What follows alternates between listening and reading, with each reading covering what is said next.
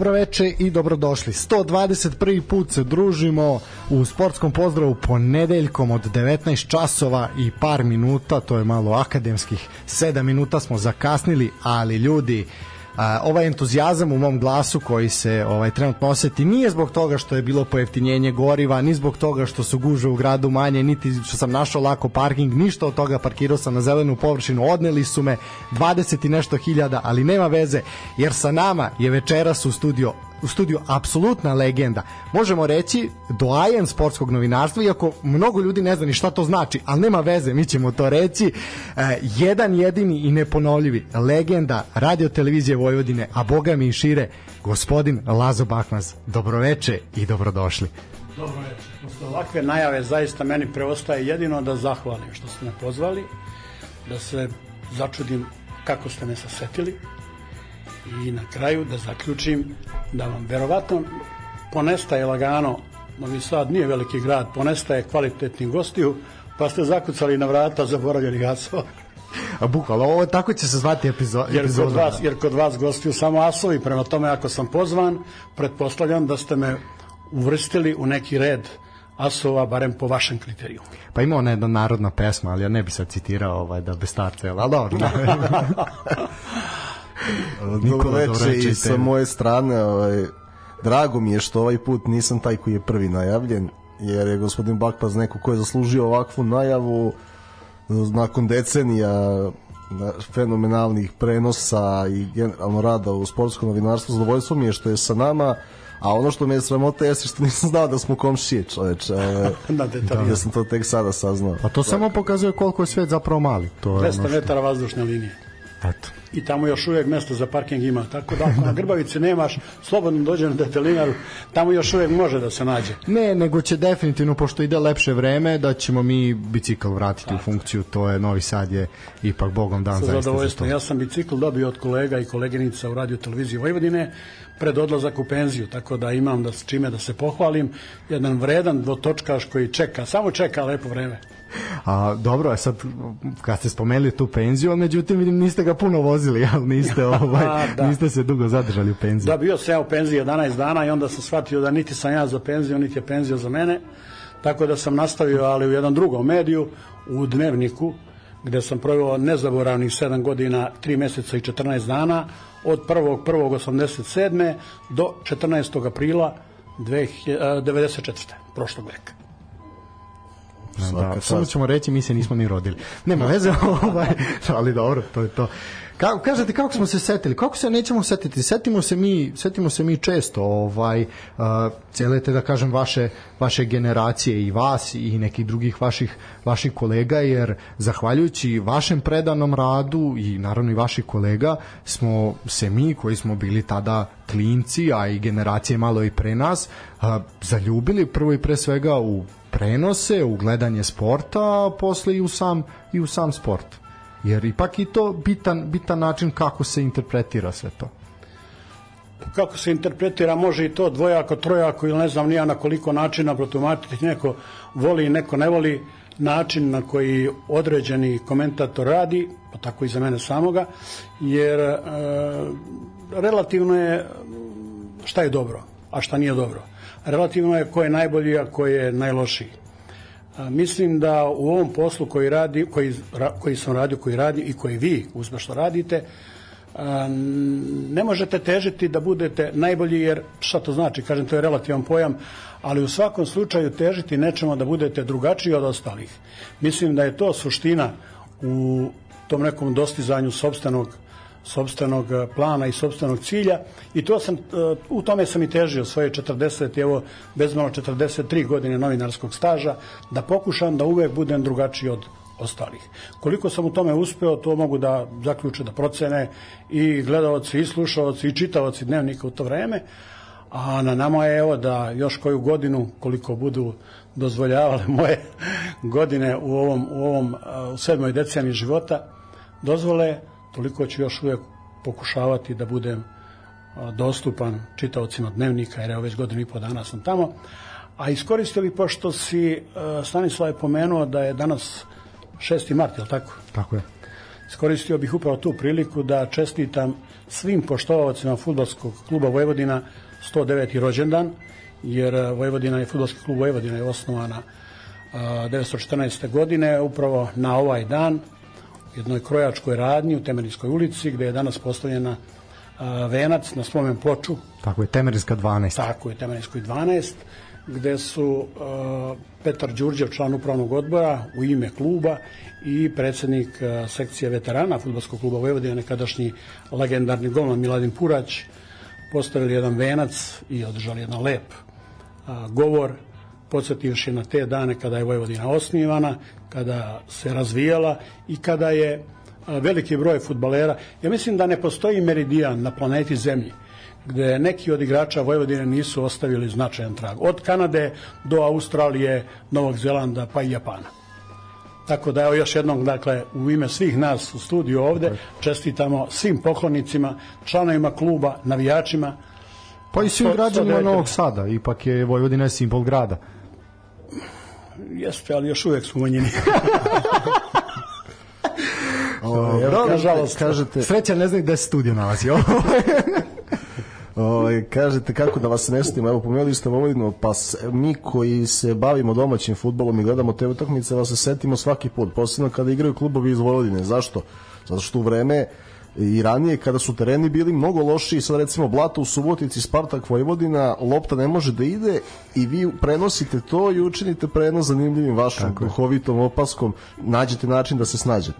Kaže meni da. moj, moj veliki prijatelj i komšija sa detalinare, Predrag Vuković, reditelj prenosa, inače jedan od vodećih reditelja još sportskih prenosa na, na prostorima Jugoslavije, zajedničke na države, kaže, baš posle te utakmice, evo kaže mi u reportažnim kolima zezamo se, igramo kvizova, pogađanja, šalimo se, ali kako ti uspevaš, kaže, 90 minuta da pričaš, a da se apsolutno ništa na terenu ne dešava?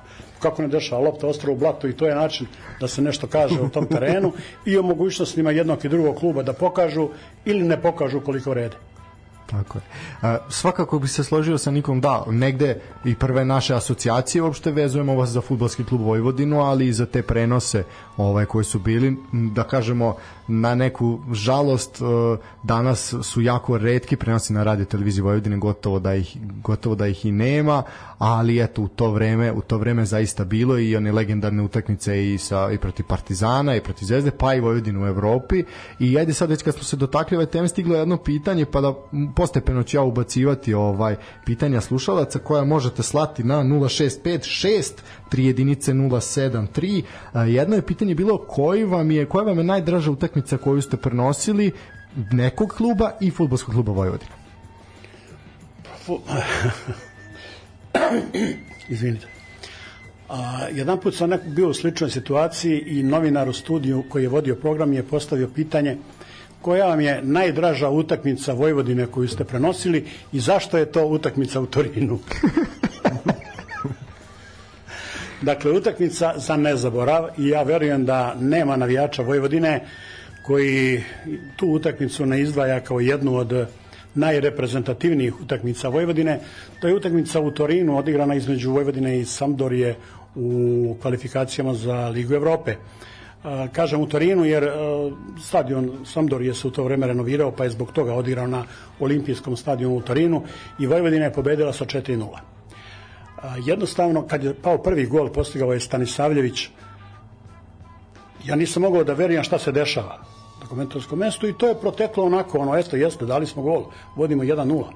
Kod drugog gola veća tu ona doza euforije, da bi treći i četvrti gol bilo ono oh, ho, ho, ho, ha, ha, ha, ha i slični, i slični krici, da bi tad ovaj, me neki uh, odobravali, ali bilo i onih koji su rekli da sam na neprimeren način pokazao za koga zapravo navijam u futbolu. A ja nisam nikad krio da ja navijam za Vojvodinu. I u jednom intervjuu za Blitz i naslov je bio izvučan iz konteksta moje priče, kojim sam ponosan, da neću nikome da se izvinjavam zato što navijam za Vojvodinu.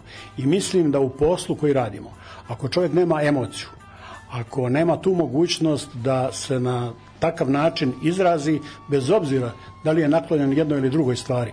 Mislim da ne treba da radi taj posao. Ja navijam za Vojvodinu i ja se toga ne stidim. Isto kao što se ne stidim što sam do raspada Jugoslavije bio vatreni navijač Veleža. Iz tog vremena postoji jedna anegdota. Ovaj, radio sam uh, izveštaj, uh, da, prenos iz, iz Mostara za novosadski program i ovaj, pošto se znalo da ja navijam za Vojvodinu, to je bilo negde 85. šesta godina recimo. A, da sam vatreni navijač Veleža, pogotovo one sjajne generacije Bajević, Marić, Vladić, onda sam ja ovaj, toliko u prenosu govorio protiv Veleža, a za Vojvodinu, da mi je onda tadašnji predsednik Veleža Muhamed Bujić rekao, molim te, ajde malo manje navijaj za nas. ja nisam hteo da se oseti da navijam za Velež nego sam išao na Vojvodinu stranu. I naravno, kada je nestalo države, kada je nestalo Veleža onakvog kako ga ja poznajem i kluba za koji sam ja navijao, mislim da nije bilo ništa prirodnije nego da se prikloni Vojvodini u gradu u kome živim. Ja sam u Novi Sad došao 76. godine, tu došao, ne mogu reći slučajno, ali ostao namerno i koliko god da jesam dođoš, ja sam i novosađan. I onda kažem, ja sam novosadski trevinjac, rođen u Dubrovniku. A to je, to je lepo, da.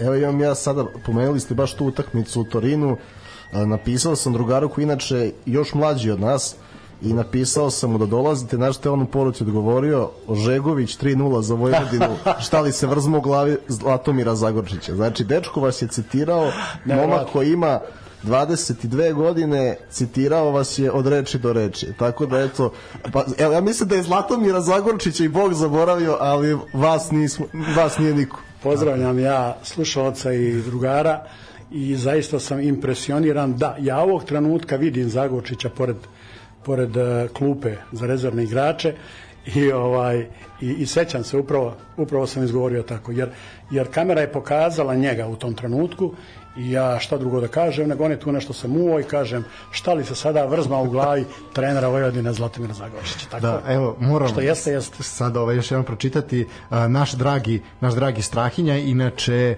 ovaj, vlasnik jež izdavaštva, ljudi na jež.rs su, su ozbiljni popusti, ima jako lepih izdanja, jako lepih naslova, između ostalog, evo sad kad smo vezani za ovu sportsku priču, moja engleska, knjiga Igora Todorovića Zgrova, njegovim proputovanjima po engleskoj, obilazi stadione, klubove i tako dalje. Ovaj ta knjiga onako eto ko je poklonik sporta zaista vredi vredi pročitati, ali ima i mnogih drugih ovaj zanimljivih i isto tako a, dobrih naslova. I on je poslao pošto on eto kao prijatelj emisije ima ima ovaj prioritet je rekao da mu se da se sav ozario kada je čuo čuo Lazin glas i odmah se vratio, odmah je u glavi leto, a Vojvodina Vojvodina igra Evropu.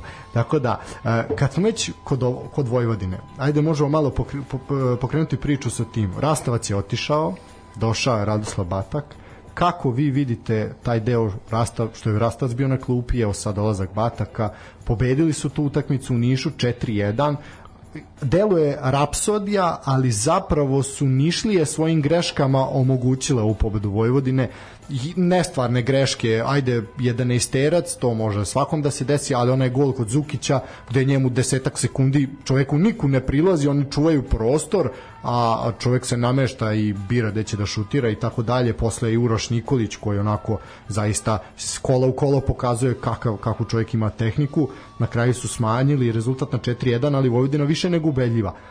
Pomislili smo svi super, šok terapija, sve super. Nismo svi. Da, neko je znao šta će biti. Ovaj, I onda Voždovac, opet 0-0, opet Remi. Kako gledate na Rastavca, kako gledate uopšte na Vojvodinu ove sezone, s obzirom da se zaista podigao klub na više nivoa? Ako ja smem da se usudim da cenim uh, tvoje ovaj, tvoju potkovanost što se tiče ove analize, mi bismo mogli da zamenimo mesta, pa sad da ja malo vodim emisiju, a da ti dođeš na ovo mesto i da stručno komentarišeš šta je događaj. Ja sam sa Milane Rastavcem na liniji, mogu reći, prijateljstva. Izuzetno cenim tog čoveka i kao trenera, i kao čoveka, i kao druga, i kao prijatelja. Jedan veliki gospodin. Mislim da je njegova najveća greška, greška bila ta što je bio pravi gospodin pravi gospodin u pravom smislu reči. A, mislim da u našim klubovima je potreban trener profila Slavoljuba Slavoljuba, tako, jeste Slavoljuba Đorđevića, da. koji je, vidim, preporodio igru radnika iz Surdulice i smem da stavim paru na to da radnik neće ispasti iz lige, mada je bio prvi kandidat za ispadanje. Zašto? Zato što Slavoljub Đorđević ne dozvoljava prigovore, ne dozvoljava da mu se bilo ko meša u posao, ne dozvoljava nikakve mogućnosti da se iskoči iz šeme koju je postavio. On je čak postavljao novinarima uslove. Ako hoćeš da pričaš sa mnom i sa igračima, moraš da mu se javiš 24 sata ranije. To recimo kod e, Milana Rastavca nije slučaj. S njim si mogao u podne u ponoć da ga pozoveš da odete na čašicu razgovora. Čašicu razgovora. dve, tako je. I da popričate otvoreno o svemu i svačemu. Naravno, u tim i takvim situacijama uh, dogovorimo se šta jeste za mediji, a šta je za internu naravno. upotrebu. I to nikada nisam zloupotrebio, naravno. A ono što je meni Rastovac rekao, sad on to nije krio, niti krijem ja, još u novembru mesecu, da ovoj ekipi nedostaju još 3-4 futbolera i da se nada, da očekuje da će to uspeti sportski sektor da završi u prelaznom roku. U prelaznom roku došla su dvojica igrača, koliko se ja sećam, obojica su ovaj, centralni bekovi, Ljubić Savljević koji je evo sad z, e, debitovao kao starter, inače je ušao 20 minuta na prethodne utakmice u Nišu. I Vuk Bogdanović iz Crvene zvezde koji je najavljen, bože moj, dolazi igrač iz zvezde, predsednik se slika na sva zvona najavljen Vuk Bogdanović koji je odigrao u Crvenoj zvezdi 6,5 minuta protiv Kolubare ali došao iz Zvezde i to je već, jel da? Nema ga bre među 22. Dakle, Vojvodina nije odradila posao i nije urađeno ono čemu se Rastovac nadao. Ko i zašto je to tako, to je već stvar kluba i upravnog odbora, sportskog sektora i svi u klubu. Međutim, činjenica je da posle dva nerešena rezultata protiv klubova iz donjeg dela tabele postojale su dve opcije. Da se menjaju svi igrači ili da se menja trener. U takvim situacijama klub je odabrao jednostavnije rešenje, promenio je trenera. Rastovac nije uvređen, on zna koliko vredi, ali jeste iznenađen, zato što mu je obećano i rečeno, i to je opredeljenje kluba bilo, da Rastovac ima odrešene ruke i da slobodno može da radi, da je Vojvodina raskinula sa tradicijom menjanja trenera. On je inače 41. trener Vojvodine u 21. veku. 41. da, da, Batak je 42. Dakle, rečeno je da, je, da se raskida sa, sa tom tradicijom i da će ne bez obzira na rezultate, ali ipak nema imperativa da će se istrpeti njegov rad i da će se u, u hodu praviti ekipa za neke evropske tokove i za neka, neka, neke buduće sezone koje će tek da uslede. Očigledno da je pritisak javnosti bio takav da je Rastavac morao da ode, došao je Batak, ništa manje sposoban i ništa manje vredan čovek, zaista jedan uh, izuzetan stručnjak koji je uh, pre 7-8 godina, kad to beše, ne mogu sad tačno da se setim, dana, ali znam da je bio dve, dva meseca i sedam dana trener Vojvodine, imao je osam utakmica. 2017. 17, u play-off. Jeste, jeste, jeste. Ono Imao je osam utakmica. Izgubio je dve. Od Partizana i od Crvene zvezde. Dozvolite, nije sramota to u ovoj zemlji. Naravno. Izgubio je Družan Beroka i tad je smenjen, o, pobedio je Ružan Berok sa 2-1 i tad je smenjen jer kao morao je da pobedi sa većim, većom razlikom. E, njegov naslednik je izgubio utakmicu od Ružan Beroka i Vojvodina ispala, ispala. ispala. Imao je osam utakmica, četiri pobede, ta dva poraza protiv Partizana 1-0 u kup, polufinalu kupa, prva utakmica je bila 0-0, igrane su dve polufinalne Da, to je Đurđević onaj šut. U to vreme, tako je, tako je. I od Crvene zvezde 2-0 u prvenstvu. Četiri pobjede i dva nerešna rezultata i smeniše čoveka. I to, izvinite, onaj penal kad se Boači smejao u kameru da, Arena da, Sport, seća, onaj je. penal što nije bio... E, tih neskrišnih detalja se ne sećaju. da, da. E, a dobro, mislim, Batak dakle, jeste prošle da. godine uh, onakvu ekipu radničkog iz Niša doveo do Evrope. Tako je, tako je. Međutim, očigledno je da je radnički Niški jedna od najslabijih, najlošije rangiranih ekipa u ovog proleća. On u poslednje četiri utakmice do Vojvodine nije postigao ni jedan jedini gol. Mislim da su pobedili jednu utakmicu, 2-1, ne sećam sa koga, mislim Kolubaru. I onda dođe Vojvodina i smesti im četiri komada. I to u jednoj utakmici koja je zaista onako izgledala kao očigledan triumf nastao šok terapijom trenera Radoslava Bataka. Batak jeste mobilisao ekipu, jeste joj ulio samopouzdanje, barem tako svi igrači pričaju, jeste tak šok terapija urodila plodom, mada on čovjek koliko god je sposoban za dva dana šta može revolucionarno da uradi ništa, a šta se onda dešava? E, desilo se to na, na krovu što se desilo. Vojvodina e, treći put u ovoj sezoni nije dala gol. Prvi put bilo je to u trećem kolu protiv Spartaka, tako prva je. nerešena utakmica 0-0 i onda sledi devet nerešenih utakmica da bi deseta ponovo bila 0-0. A ove su sve bile 1-1 i 2-2. Tako, je, tako je. Dakle, Vojvodina nije postigla gol, a to je ono što u futbalu uh, i zapravo futbal se igra da bi se postigao gol, je tako? E sad, uh, iz, izdanje, ali interesantan podatak i ovaj, kuriozitet, možda ne znači ništa, nisam pristalica teorija zavere, ali pre Spartakovih 0-0 Vojvodina je u prethodnoj utakmici dala četiri gola. Tako je, protiv, protiv mladosti, to je da. Mladosti Gat.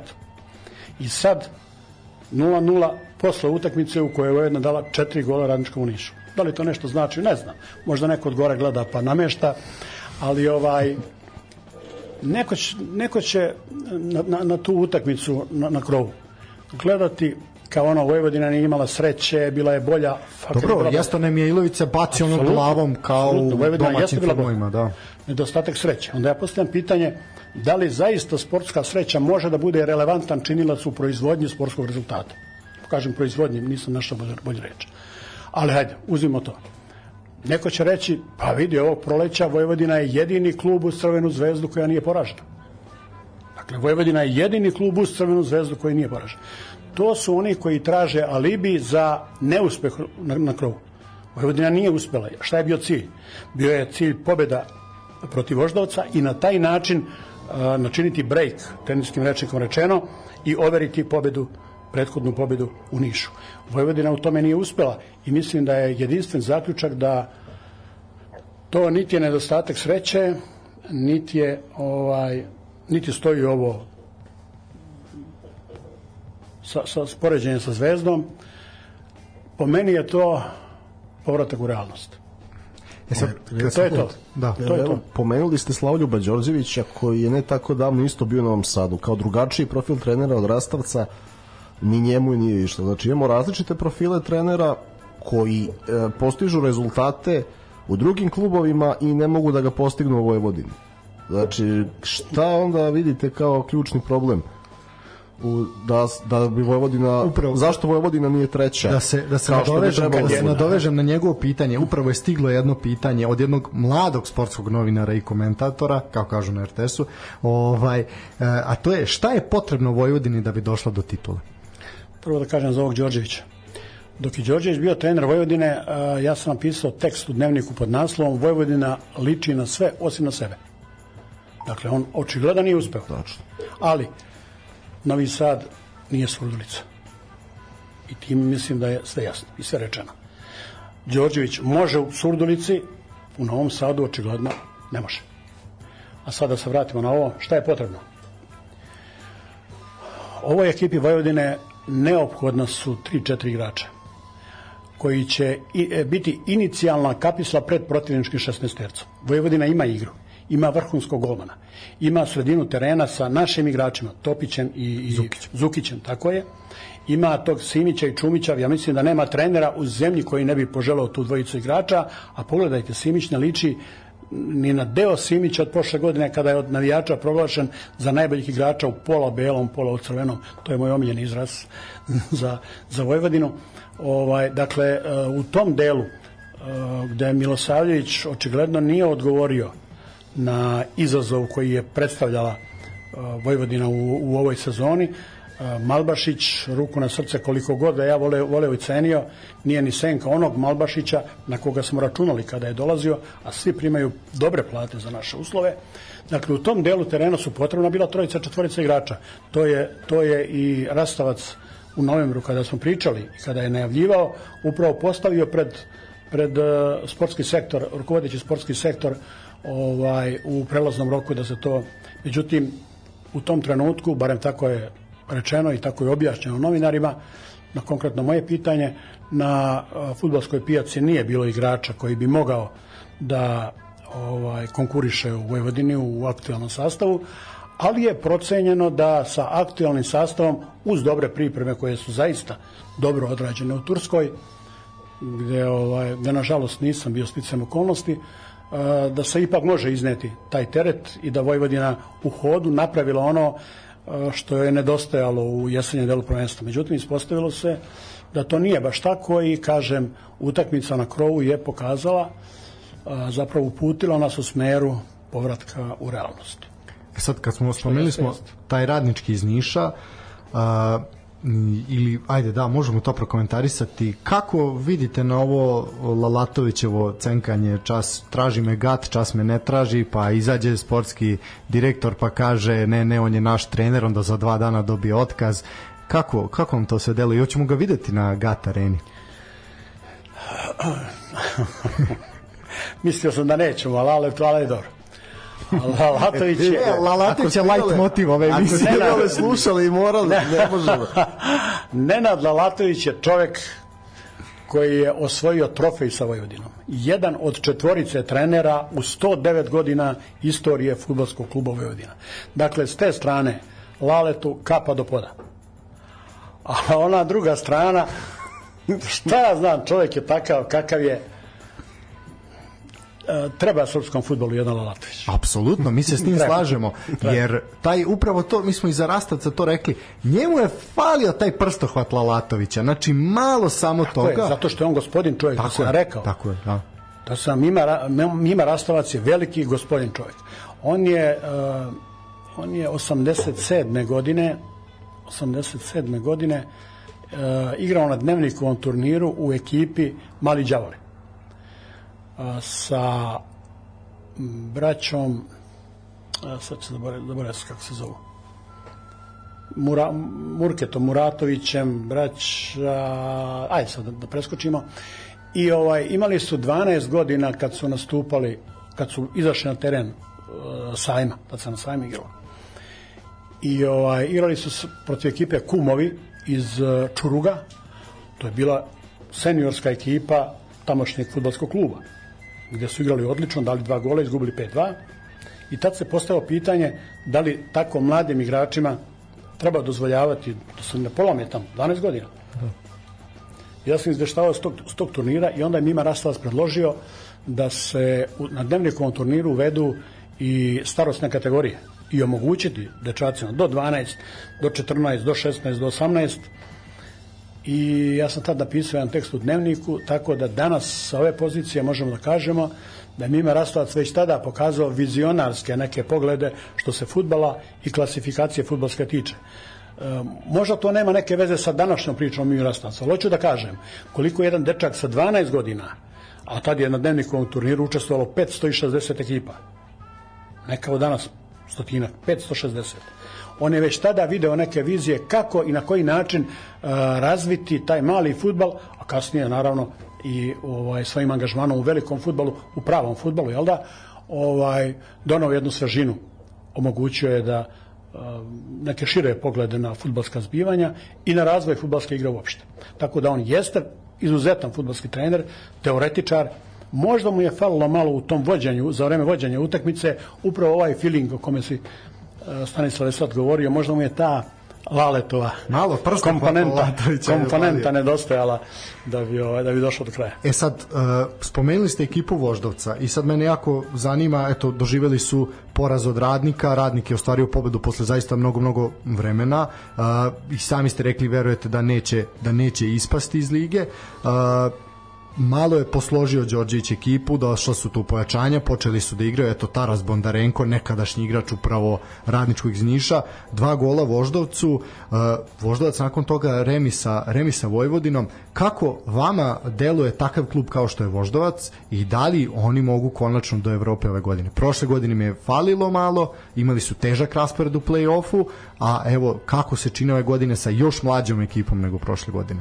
Teško. Ne može Voždovac, evo zašto ekipa sa krova nema svoju futbolsku školu ili ako imaju onda nije, nije toliko respektabilna da bi se moglo govoriti o nekakvom rasadniku iz koga će, kao što je u Vojvodini slučaj upravo na sredini terena, gde je najosetljiviji deo igre, zaboravio sam Jeličića da pomene, pa tu je naš ovaj, Bijeković na desnoj strani, na de, po, po, po desnom boku i tako dalje. Kabić.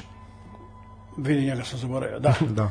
da najperspektivniji igrač u, u, u Srbiji proglašen zvanično pre dve godine.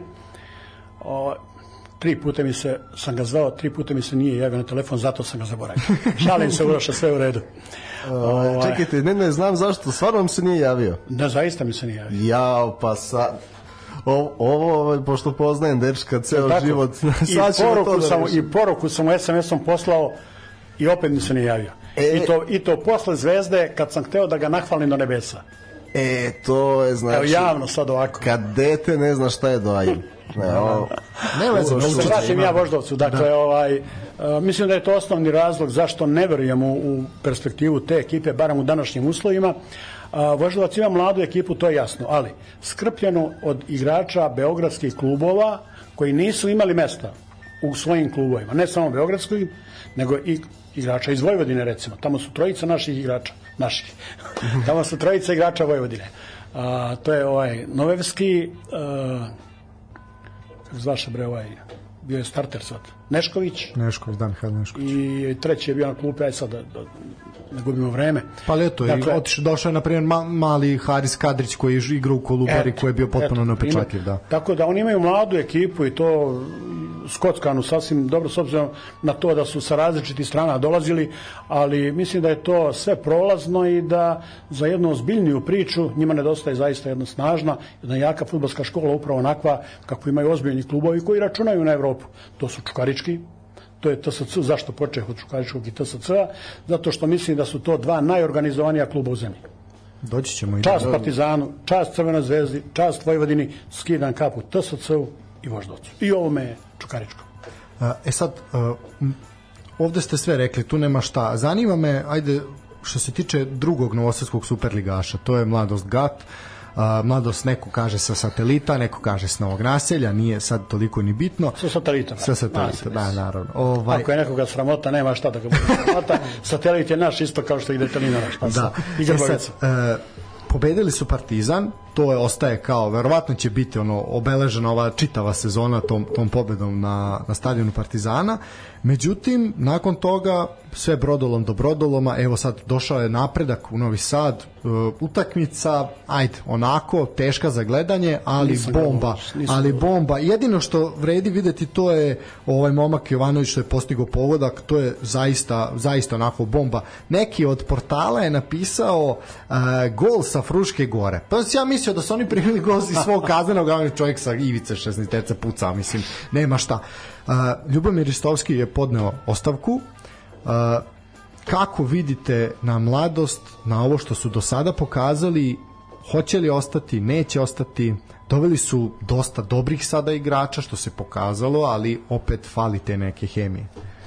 Za razliku od Voždovca, mladost Gat je išla u drugom smeru, a to je da su o, pokupili kvalitetne igrače, ali igrače u godinama. Znači, one igrača koji su izneli teret igre u Vojvodini, Spartaku, Bačkoj Palanci, ne znam gde sve ne, igrača koji su na zalasku karijere. Oni u jednom trenutku, trenutku nadahnuća mogu da odigraju meč, ali ne mogu da iznesu sezonu nedostaje upravo ono što, što Voždovac ima. E, mislim da bi najsrećnija, najsrećniji spoj bio kada bismo Voždovac i Mladost Gast spojili i napravili jednu kompilaciju mladosti i iskustva i mislim da bi te dve ekipe mogli da napravimo jednu dobru ekipu. Meni je žao što Mladost Gat nije uspela da još ranije obezbedi neko stabilnije mesto u Superligi, ali mislim da su malo požurili sa, sa ovaj, ulaskom po svaku cenu kada su bili u drugom stepenu takmičenja, dakle prvoligaši, tad sam ja razgovarao sa čelnim ljudima mladosti, ne sa vlasnikom, nego sa ljudima koji su vodili klub, ovaj, oni su rekli da im nije imperativ i da nije, nemaju ambiciju Superlige po svaku cenu. Ali ukoliko se ukaže šansa, što da ne.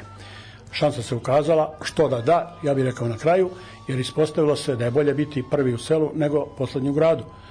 Jer Mladost Gat je imala a, pune tribine, kad se borila za vrh tabele u prvoligaškom društvu, a sada koliko vidim, boga mi na Karadžorđu slabo. Isto da. jel tako? Bude prosjek oko da, tako, između 100 i 10. Tako da nisam optimista. Sad će da dođe neko ko će da napuni tribinu.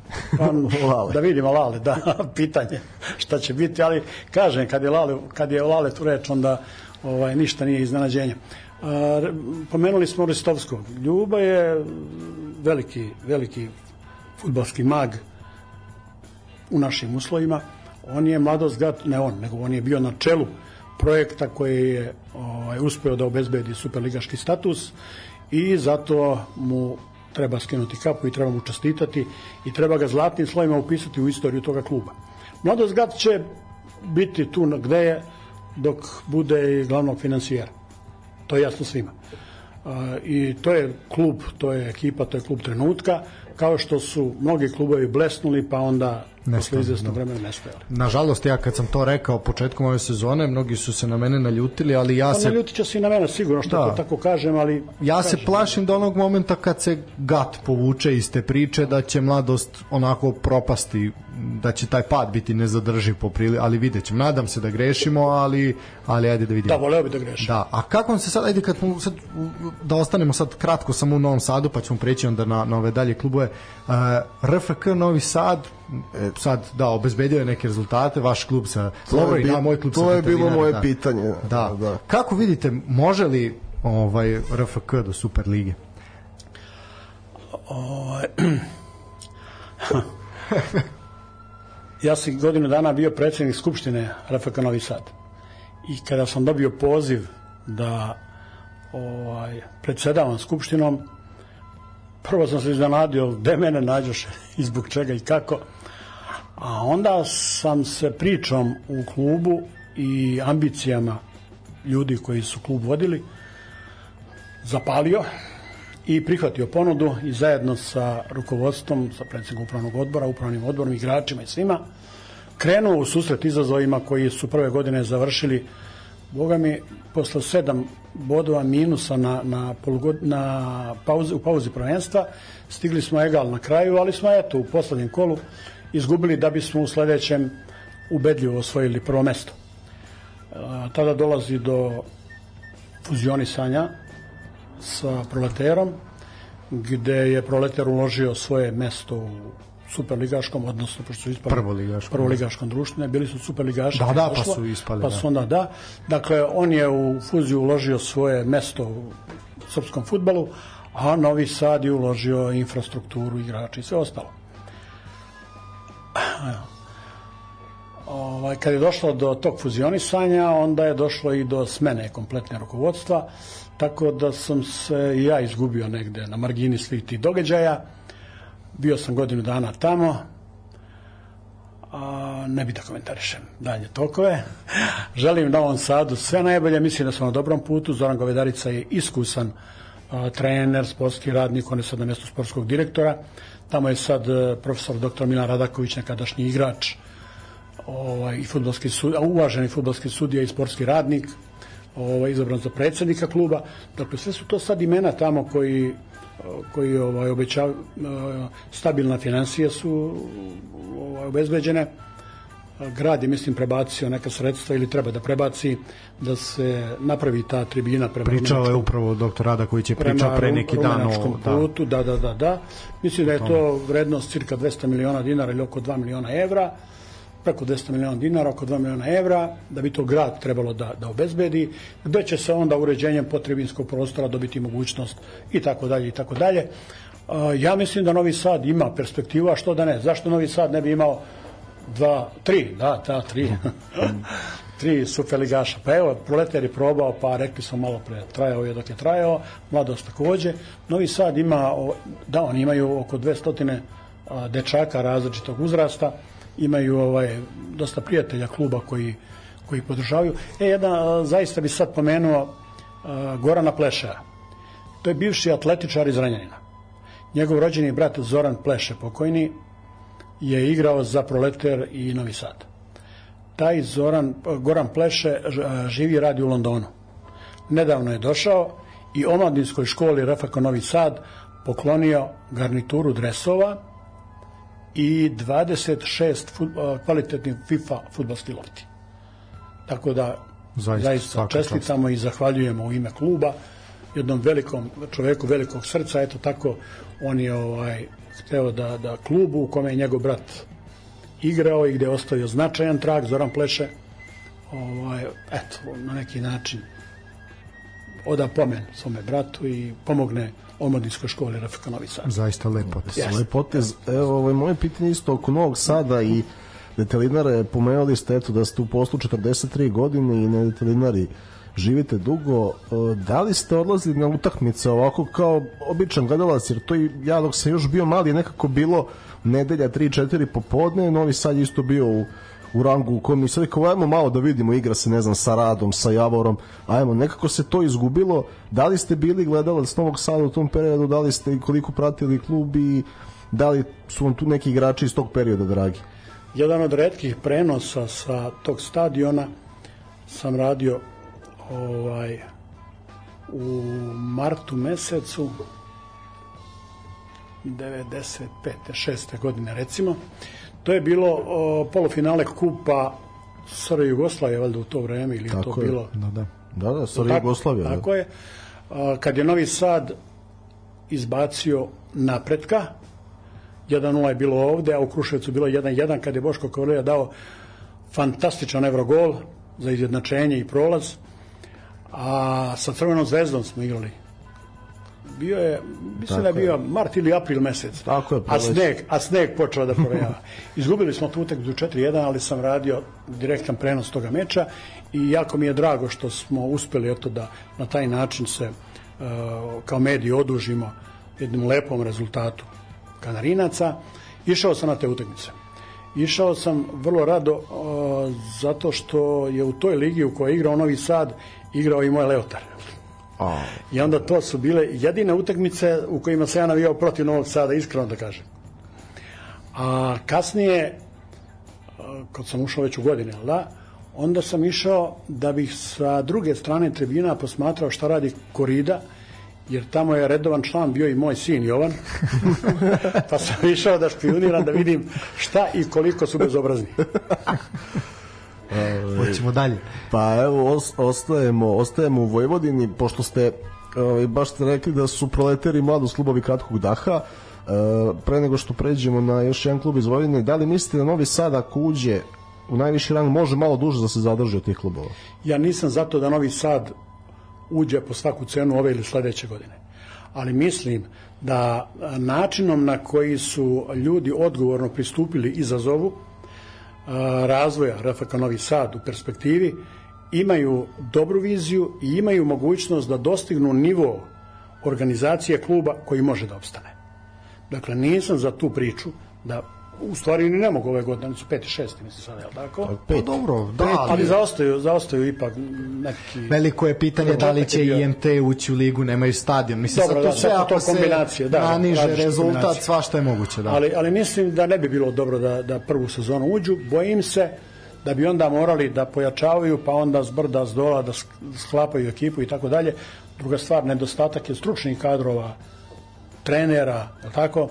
Mislim da bi kroz godinu, dve ili tri, dok se sva ta infrastruktura ne legne, ne legne na svoje mesto, dok te organizacione ovaj, radove u klubu ne završe do kraja i onda sa jednom stabilnom osnovom i, i, i urađenom infrastrukturom kluba u svakom pogledu, kad kaže infrastrukturu mislim i na objekte, ali i na ljudstvo i na postavku kluba ovaj, uopšte, da bi onda klub Novi Sad zaista mogao da izraste u jednog stabilnog superligaša. Zaista verujem u to, taj projekat.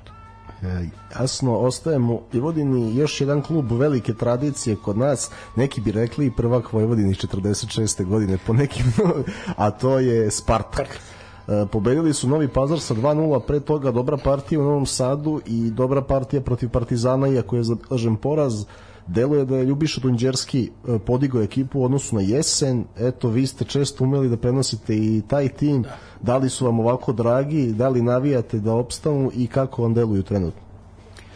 Ovaj, ja sam prenosio utakmicu Spartak Partizan kad je Partizan dobio 2-1 a Spartak vodio 1-0. A to je neki gol iz slobodnog udarca u nekom 90 i nekom minutu. Penal onaj na Dilijevi. Na Dilijevi, Sve da. znate, ne moram da pričam. Da, tako. Pa, Sve ste nacrtali. Pa, da ste radili. Ali, ali da, ali tada su me, uh, tada su partizanovi navijači žestoko napali taj moj prenos, govoreći da sam se ja svrstao na Spartakovu stranu. Uh, tad sam imao stručnog konsultanta o, Tomislava Sivića, da, velikog futbalskog teoretičara, koji je apsolutno podržao moj komentar i ovaj, bio saglasan sa, sa tim da je uh, sudija dobrano pomogao Partizanu tada i bilo mi je bilo mi je jako krivo jer Vojvodina je nešto bilo u trci tad, ne znam ja, ako Partizan izgubi onda bi... To jeste u tom momentu su bio taj kao 3 3 u tri boda su bile tri ekipe e, da, u tom momentu. Tako je. A šta se desilo? Ovaj uh, odličan izvođač slobodnih udaraca Tomić je ušao u igru 10-15 minuta je to bilo pre kraja. Tako. Tako je. A, I u tom trenutku kad je on ušao u igru dosuđen je taj slobodan udarac tačno na mesto sa koga Tomić izvadi slobodne udarce i on ga izveo maestralno, majstorski, dakle tu primetbi nema. E sad, da li je postojao slobodan udarac, da li je to tako trebalo odraditi, to je sad neko drugo pitanje, ne bi da se vraćamo na to, ali mi je ostala jedna velika žal i zbog Vojvodine i zbog Spartaka koji je sve uradio da odigra pošteno tu utakmicu. Mada je za Spartak, koliko se ja sećam, uvek važila priča da je on partizanova ekspozitura. Da je pa zbog on... Tomislava Karadžića, mislim, to je zbog toga je... išla priča, da. Ali... To ste vi rekli. pa mislim, tako ga su ga povezivali. Tole Karadžić je čovjek uh, čiji sam ja rad u Futbolskom savjezu Srbije, Jugoslavije, kako li se tad zvalo, još i Vojvodine pre toga, dosta kritikovao. Imao sam nekoliko komentara koji su otvoreno bili protiv njegovog rada, govoreći da to što oni rade, to je recidiv uh, samoupravnog socijal, socijalističkog nasleđa uh, Jugoslavije. Ja sam stalno očekivao tole tu reakciju. Kad tad da će me pozvati, da će me prozvati, da će preko mojih urednika, rukovodilaca, imao sam i protiv Miljanića, pokoj mu duš, isto tako. Da, da, da, to je grobar jugoslovenskog futbola. Ovaj, međutim, Tole se nikad nije oglasio. To je meni bilo čudno. I onda 100 godina Futbolskog saveza Vojvodine, ja sam pravio scenarij o priredbi i vodio sam tu priredbu u sali Novskog sajma, u Master centru. I sad ovaj, bio je tako neki uži prolaz, ja sam se uputio, ne znam ni sam gde, Tole dolazi s druge strane. Ne možemo se mimo ići nikako, ali ja neću ni da bežim, zašto bi bežao? Napisao, napisao, rekao pa rekao. Tole prilazi i pruža ruku. I kaže ovako, samo sam u jednoj stvari pogrešio u, u, kod tebe. Sad je ono čeka da me, jel da? Pa ne znam tole, u čemu ste pogrešili? To što kad sam mogao, što te nisam prebacio u RTS, prevazešao si ovu sredinu odavno. Ja onako ne mogu da dođem do reči. I onda shvatim, Tole je uspevao u životu da sve one oponente svoje upravo na takav način pridobija. Kao Sava Miloševića postavi za potpredsednika, ne znam, petog, desetog, ovog i onog.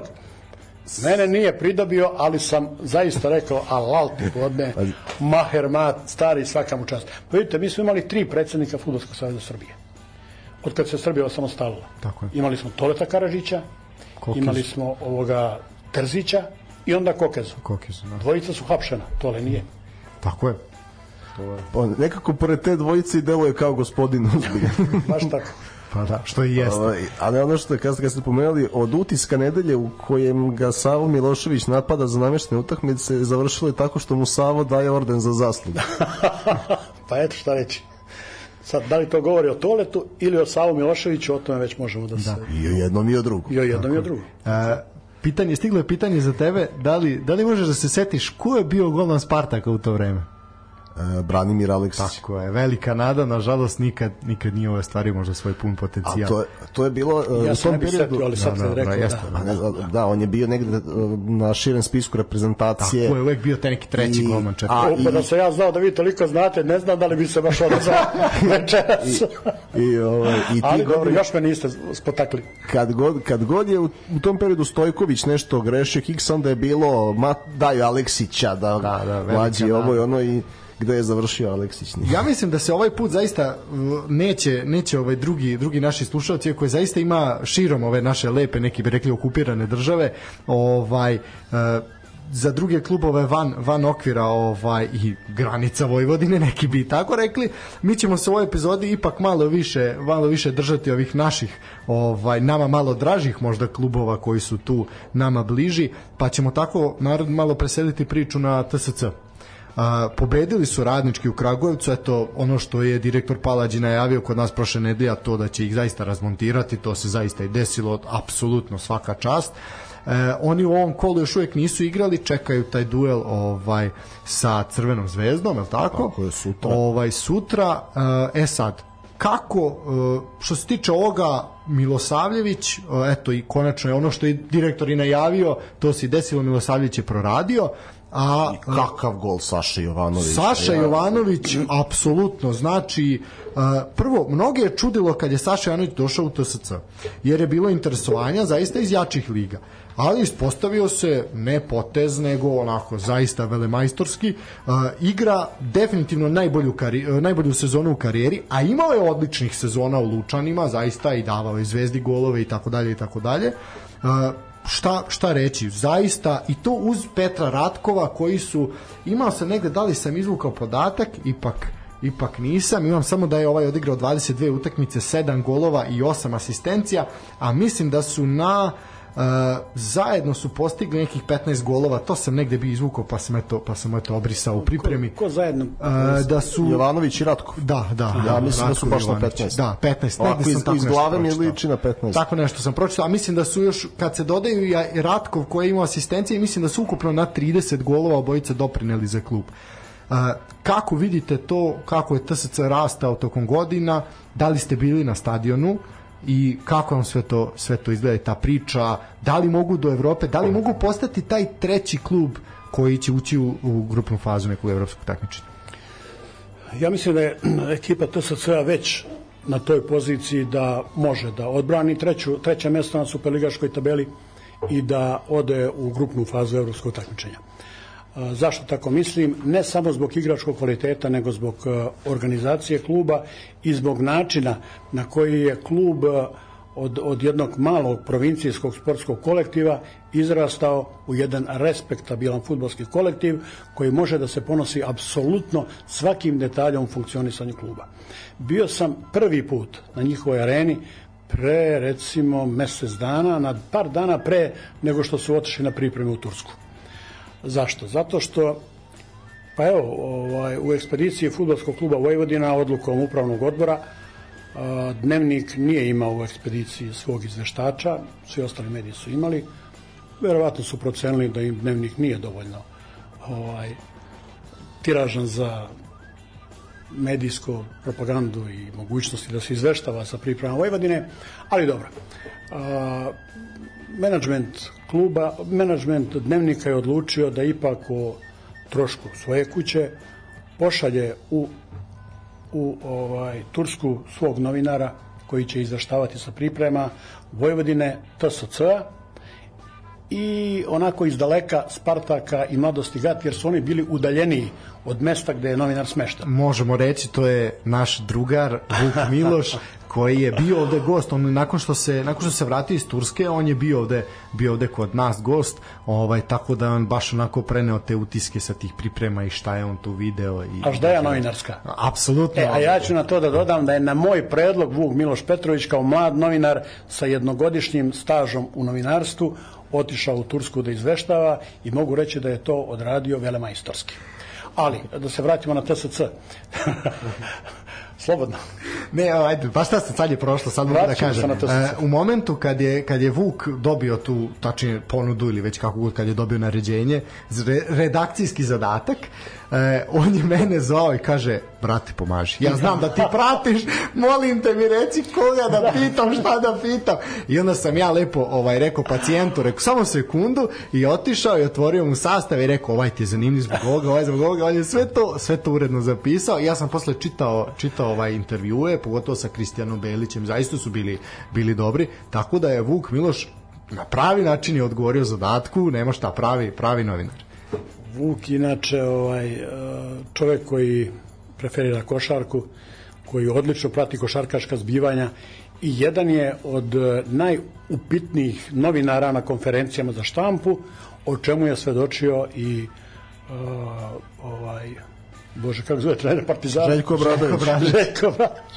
Ne, ovo je, ali vidi, 67. Ne, ne, sve, sve, sve Da, ovaj, i odluku donese ovaj kolegijum kuće da Vuk Miloš Petrović ode, ode u Tursku. Nije mu bilo prava, sad mogu ja to da kažem, ja to znam, ali on je taj posao velemajstorski odradio, ja, evo javno sad tako čestitam.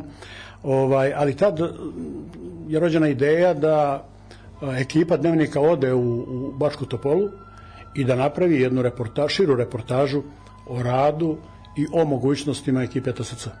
Odemo Gabor Kovač i ja, dakle moj kolega, stari par godina, penzioner, odemo u TSC u Bačku Topolu i ovaj najpre odemo u taj njihov trenažni centar. Ljudi, to je Evropa. Dakle, te, čim dođete i čim uđete u taj kompleks njihov tamo, onda vidite da, je, da su oni već u Evropi. Što se tiče takmičenja što se tiče ovaj, rezultata njihovih ovih 25 kola, mislim da su oni pa evo i u Novom Sadu gde su ubedljivi, ubedljivi bili protiv Vojvodine i sasvim zasluženo pobedili 2-1 beše, je tako? Tako je. 2-1 za, za, za da. TSC. Ovaj, dokazali da im jeste mesto u, u, u evropskom takmičenju. A, tad sam ja čak i pomalo naivno, ne znam nija šta mi bi o gospodinu Palađu, direktoru kluba, kaže, pa eto priča se kao da pare stižu iz Mađarske, da ovaj, tu ne znam ko tu to nešto, jel da? Kaže on, pa šta priča se? Pa to Orban finansira.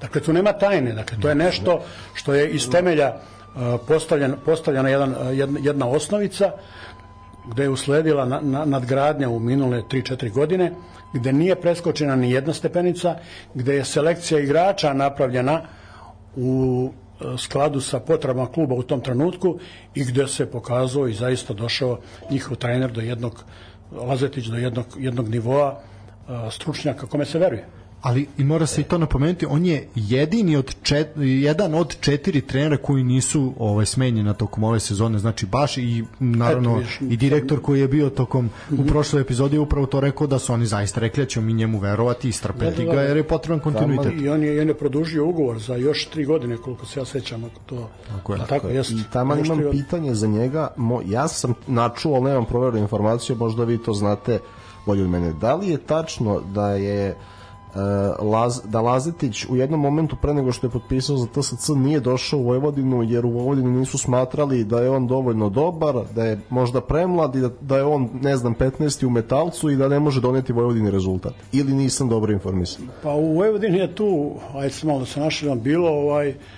čak mislim da su oni pomešali ovaj, dvojicu Lazetića, da nisu znali koji je koji ali ne bih to uzeo zdravo za gotovo, tako to je neka priča na margini čaršije, dakle, izvinjavam se svima, ali ovaj, ajde, recimo da to nisam ni rekao. A drugo, i drugo, pošto pričamo o Vojvodini TSC-u, e, vi kao čovek medija, evo jedno pitanje, e, koliko te izjave i nastup uprave na početku sezone pre prvog kola mogu da utiču na tog sezona. Recimo imali smo Vojvodinu i gospodina Zbiljića koji je pre početka sezone izašao i rekao e, mi smo klub koji će napada treće mesto i garantovanu evropsku jesen. Nije a tako stigo... rekao, rekao je mi smo klub koji će napasti obe titule, a rasturit ćemo zvezdu u petom kolu.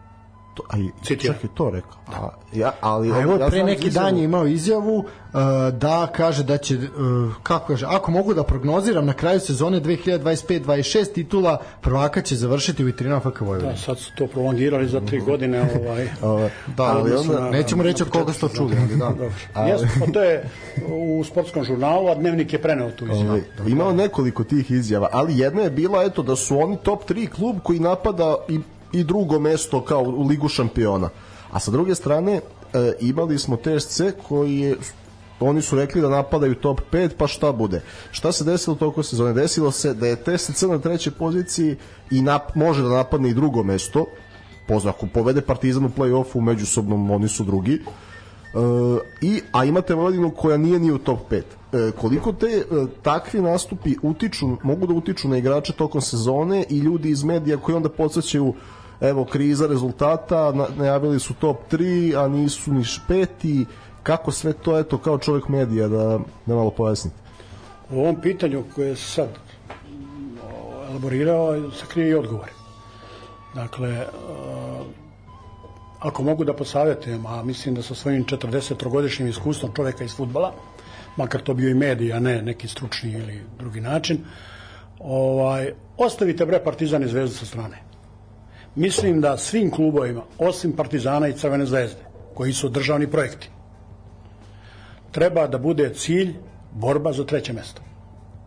Ako iskrsne prilika, pa tamo, tamo to bila, koja nam reče, 25, 26. uskoči pa ga prigrli. Ali, uh, pored Partizana i Zvezde, svaki trener, svaki predsednik kluba, ne znam ni koliko sam ih promenio, kad je došao, počinjao je. Vojvodina je veliki klub, Vojvodina je svetla tradicija, šampionska prošlost i tako dalje. Vojvodina je mesto uz Partizan i Crvenu zvezdu, on mi ćemo razdvojiti, mi ćemo... Nećete bre. Partizan i Zvezda su priča za sebe, borba za treće mesto i Vojvodini svemu. Ja sam, uh, dok je pokojni uh, Ratko Butorović, zvani Bata Kankan, bio na čelu futbolskog kluba Vojvodine, tad i napisao neku, neki tekst gde se on smejao i rekao, ala vera, tako je. Ovaj, sa velikim procentom verovatnoće u srpskom futbolu je moguće naslutiti samo jednu stvar, ko će biti treći, Vojvodina. Dobro, Parti, pogotovo u dilema je, vreme. Dile, tako je. Da. Dilema je bila za prvaka Partizan ili Crvena zvezda. Najneizvesnije je borba za opstanak. Jedino izvesno je ko će biti treći, Vojvodina sad više ni pitanje šampiona nije neizvesno. To je... Pa da, sad je već završena, završena priča, mada teoretski postoji mogućnost, a dok god ima teorije, tako. je tako, vredi se nadati. Pa tako, ovaj, tako, pa tako i u Evedini kažu. I dalje je ambicija treće mesto na tabeli. Dobro, pa želje su jedno, svi bi mi nešto. Pa, ali... Sad imaš Čukarički kod kuće, pa onda imaš ovoga Javora u Ionici, pobediš te dve, pa onda pobediš u nizu Partizan, ovaj, TSC, Novi Pazar, JTP po 3-15 bodova, treći. Sve to super. Ajde da vidimo da, da, li, da li će moći. E sad, ajde, spomenuli ste Čukarički. E, Čukarički je savladao mladost u Lučanima po on, jezivim ovaj, po jezivoj situaciji tamo i terenu i čak je golman Lučana nezgodno jako pao i povredio ruku, to je baš onako nisu bile prijatne scene. Da. Ovaj baš je baš je baš je bilo nezgodno, ali pre toga fantastična intervencija. I ako I, mogu da dodam interesant, Luka Stojanović koji je 2018. Da. dao gol za pobedu u Lučanima je to ponovo učinio je, sad povratnik, povratnik zaista ima ovaj onako instant učinak odmah je doprineo i prošle utakmice i sad. Reći ćemo samo ajde dodam da je Čukarički savladao i radniki Surdulice pošto su malo su nas uhvatili između dva kola. Ovaj moram priznati da ovi termini su malo onako problematični. Da, da. Uh, Tošić je kad nas dvojica ne možemo da ispravimo treba, iz domaćih treba, pokva, treba pohvatati sve konce tako jako mislim jedini što, dan pauze je bila bila subota. nije, na, tako je. Naravno što, što nije u istom danu. Pa da je ono ajde da igra se kolo sreda igra se kolo subota pa onda može da razlučiš nešto. kolo je bilo od srede do petka. Tako je. Mislim, baš nije. Ali pričat ćemo i o tome i tu me zanima kako gledate na to. Pa u pripremi emisije kad sam rekao Zvezda je Zvezda, I onda ste s kim je ona igrala, a onda s Partizanom. Ovečiti derbi je posebna tema da. koju ćemo dirati. E, Čukarički opet 1-0, deluje da Čukarički onako možda se sad malo i muči, ali opet ostvaruje ono što je zacrtano. Kako šta Čukarički može, može li, ima i pitanje, evo pa ću se nadovezati to, uh, piše ovako, da li TSC ili Čukarički, ko će biti bolje plasiran i mogu li izgurati Partizan? Eto, to je pitanje i za vas, a i za nas, pa eto, svi ćemo pomalo odgovoriti. Mislim da će Partizan ostati da sačuvati drugo mesto, jer Partizan je ipak Partizan. Mislim da još uvijek nije zrela situacija da se Partizan i Crvena zvezda pomere sa ta dva čelna mesta na superligaškoj tabeli a TSC je dovoljno zreo da može da sačuva treće mesto. Mada, Čukaričkom svaka čast za sve rezultate i za organizaciju kluba i mogućnost da se pozicionira u Evropi. Ali a, ubeđenja sam da je rezultat ekipi Čukaričkog u drugom planu. A, futbal je odavno prestao da bude samo igra. Zapravo, futbal je odavno najmanje igra. Futbal je veliki biznis, futbal je zarada, futbal su milioni i milijarde.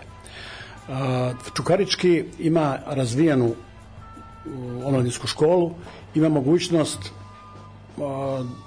dobrog menadžerskog tima koji ume da unovči igrača koji su tu stasali. Ja ću podsjetiti da su nekolicina igrača Vojvodine koji su kao mladići, kao mladinci otišli u Čukarički, kasnije prodati za milijansku, milionsku sumu. Vojvodina nije mogla da ih proda tako. A, evo jednog poređenja. Vojvodina je u zimskom prelaznom roku prodala, ja što ne volim taj izraz, prodala ljude.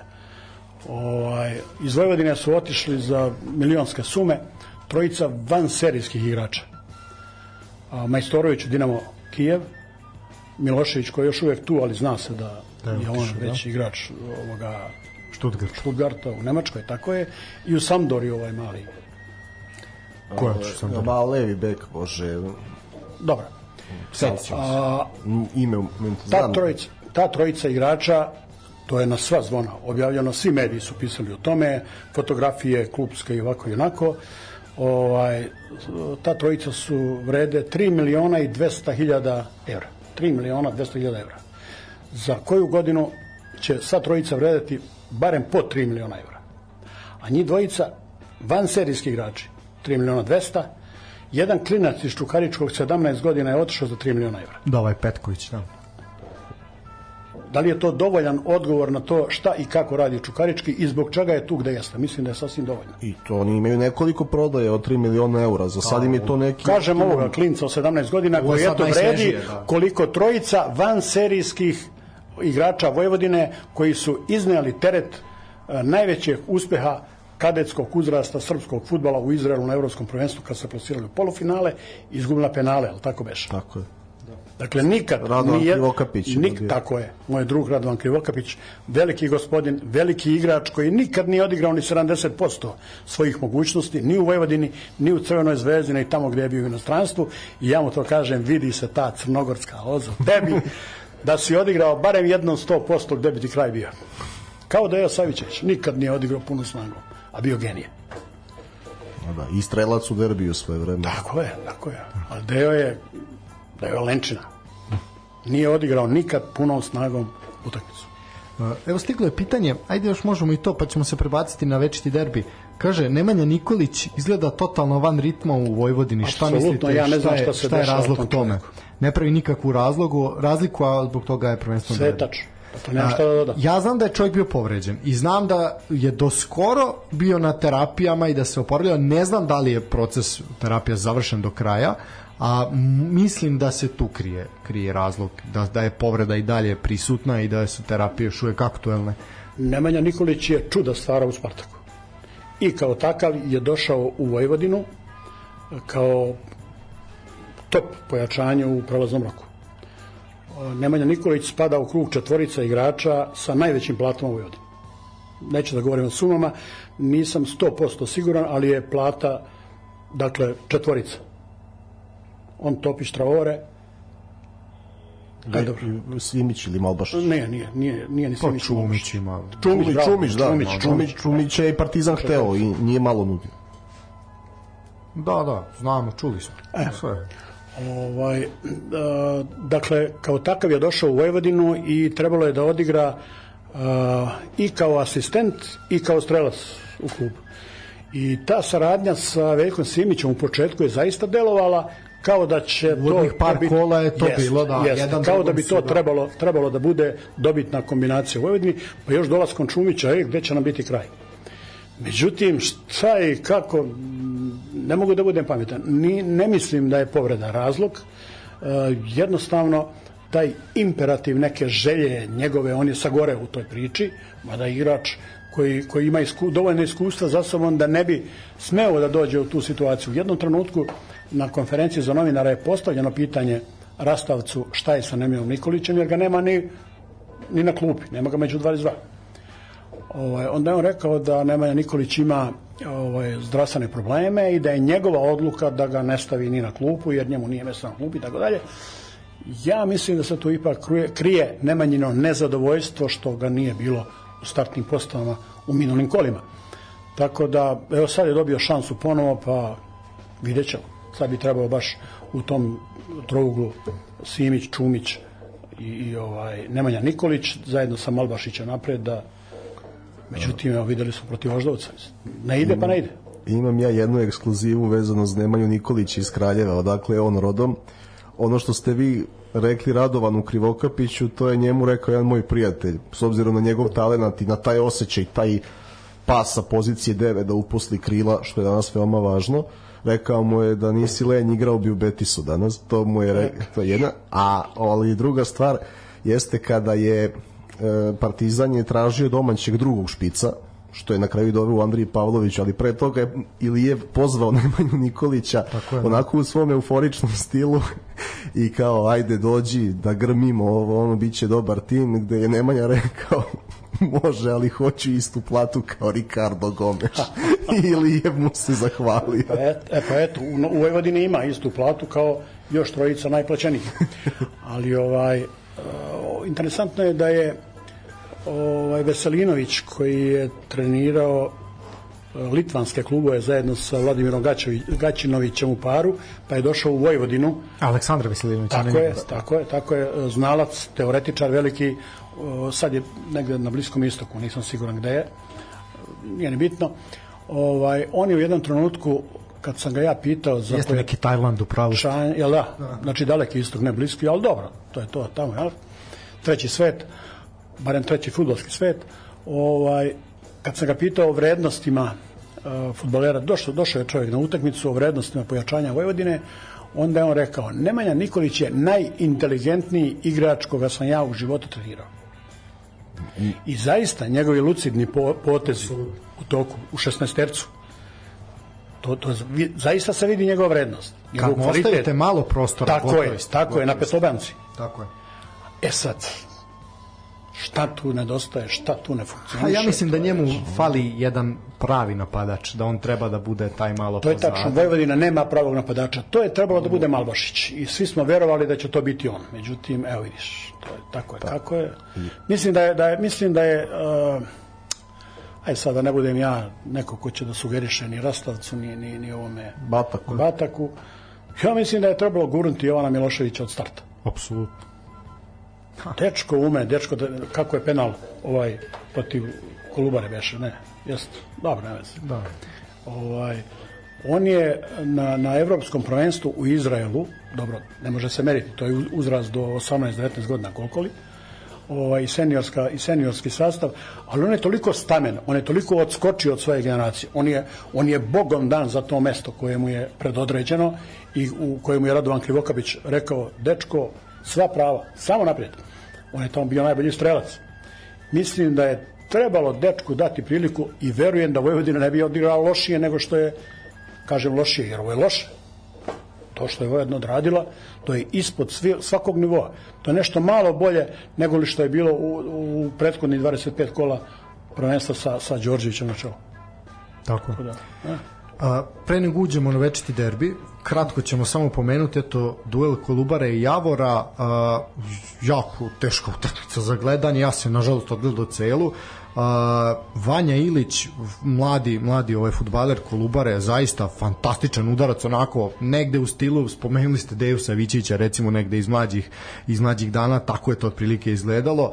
A, eto a, Kolubarat na svom terenu siguran domaćin, ali sve to je tanko 1-0, sve je to nešto onako jako teško se postižu golovi, teško se i primaju do duše, ali baš to onako, eto Kolubara je primer tima koji čiji predsednik gospodin Dragiša Urošević je izašao i rekao mi napadamo Evropu. Meni su se ovde, kad sam ja preneo tu vest, meni su se smejali u emisiji kao kakvu Evropu, u jednom momentu je to zaista delovalo, ali ono što mene više zanima, kako vi vidite tu transfer politiku s obzirom da ovaj ste spominjali Velež i sve to neko da kažem taj, taj ju region ili tu bivšu zajedničku državu? Kolubara kupuje igrače najviše sa tog, sa tog više prostora. Imamo više igrače Veleža, Željezničara, Hajduka i sve to onako je lepo negde da eto su, pogotovo na primjer, radio sam intervju sa Vukušićem uh, u Kolubu, u Lazarevcu i on je čovjek rekao da se on to osjeća toliko prijatno, iako su mu ljudi sugerisali pazi se, ipak je to blizina Beograda vamo tamo,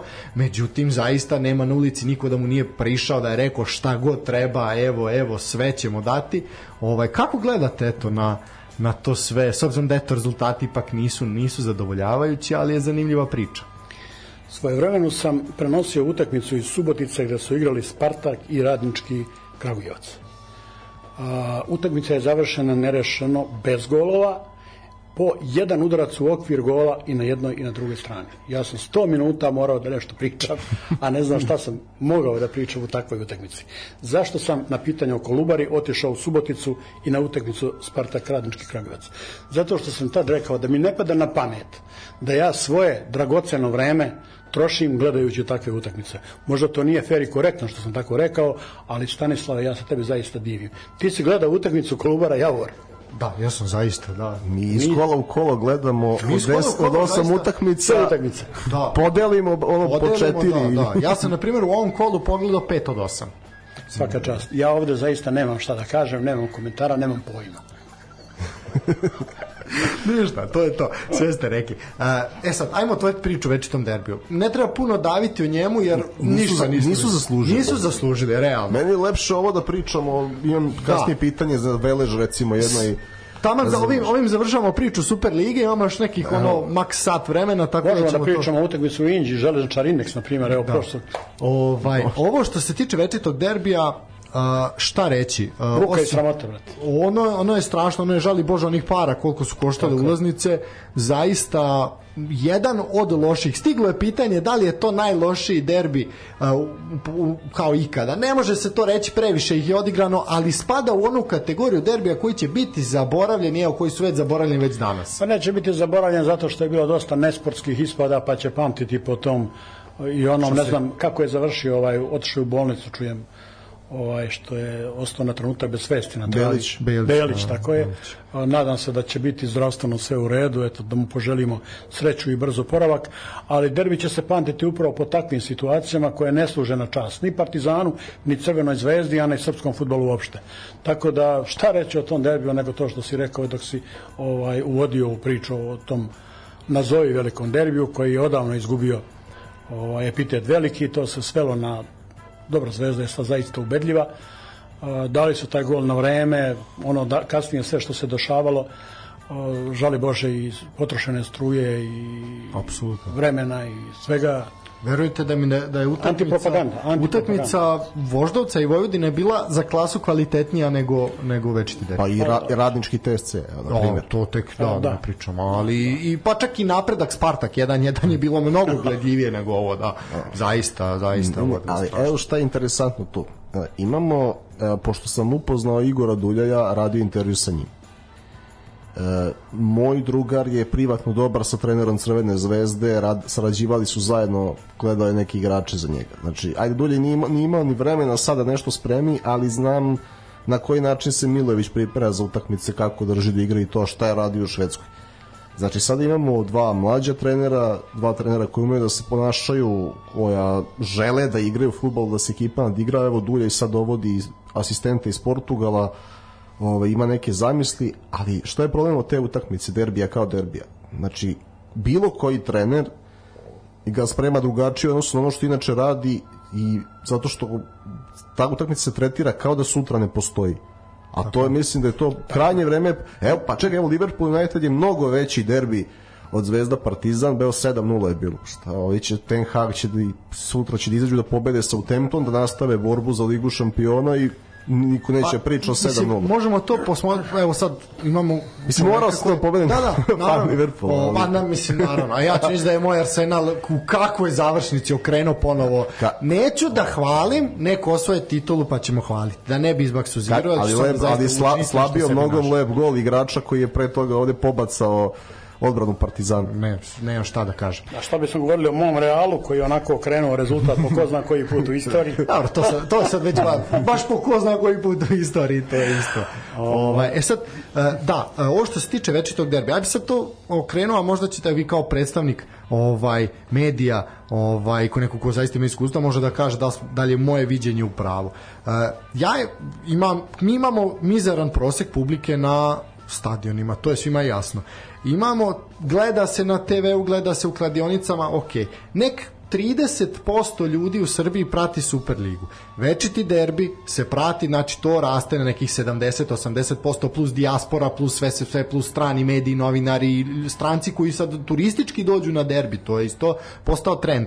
Znači, jednostavno prevelik pritisak i od strane medija i svega dovodi do toga, naš svi nas gledaju, daj da ono bude to čvrsto, samo da se ne obrukamo, pa, pa šta bude, nek bude 0-0, nema veze, naš, niko ne, nama neće zameriti što smo odigrali 1-1 s radničkim iz Kragujevca ili 1-1 s Vojvodinom, sad ako pričamo na drugu stranu, ili ako rezimiramo s TSC-om.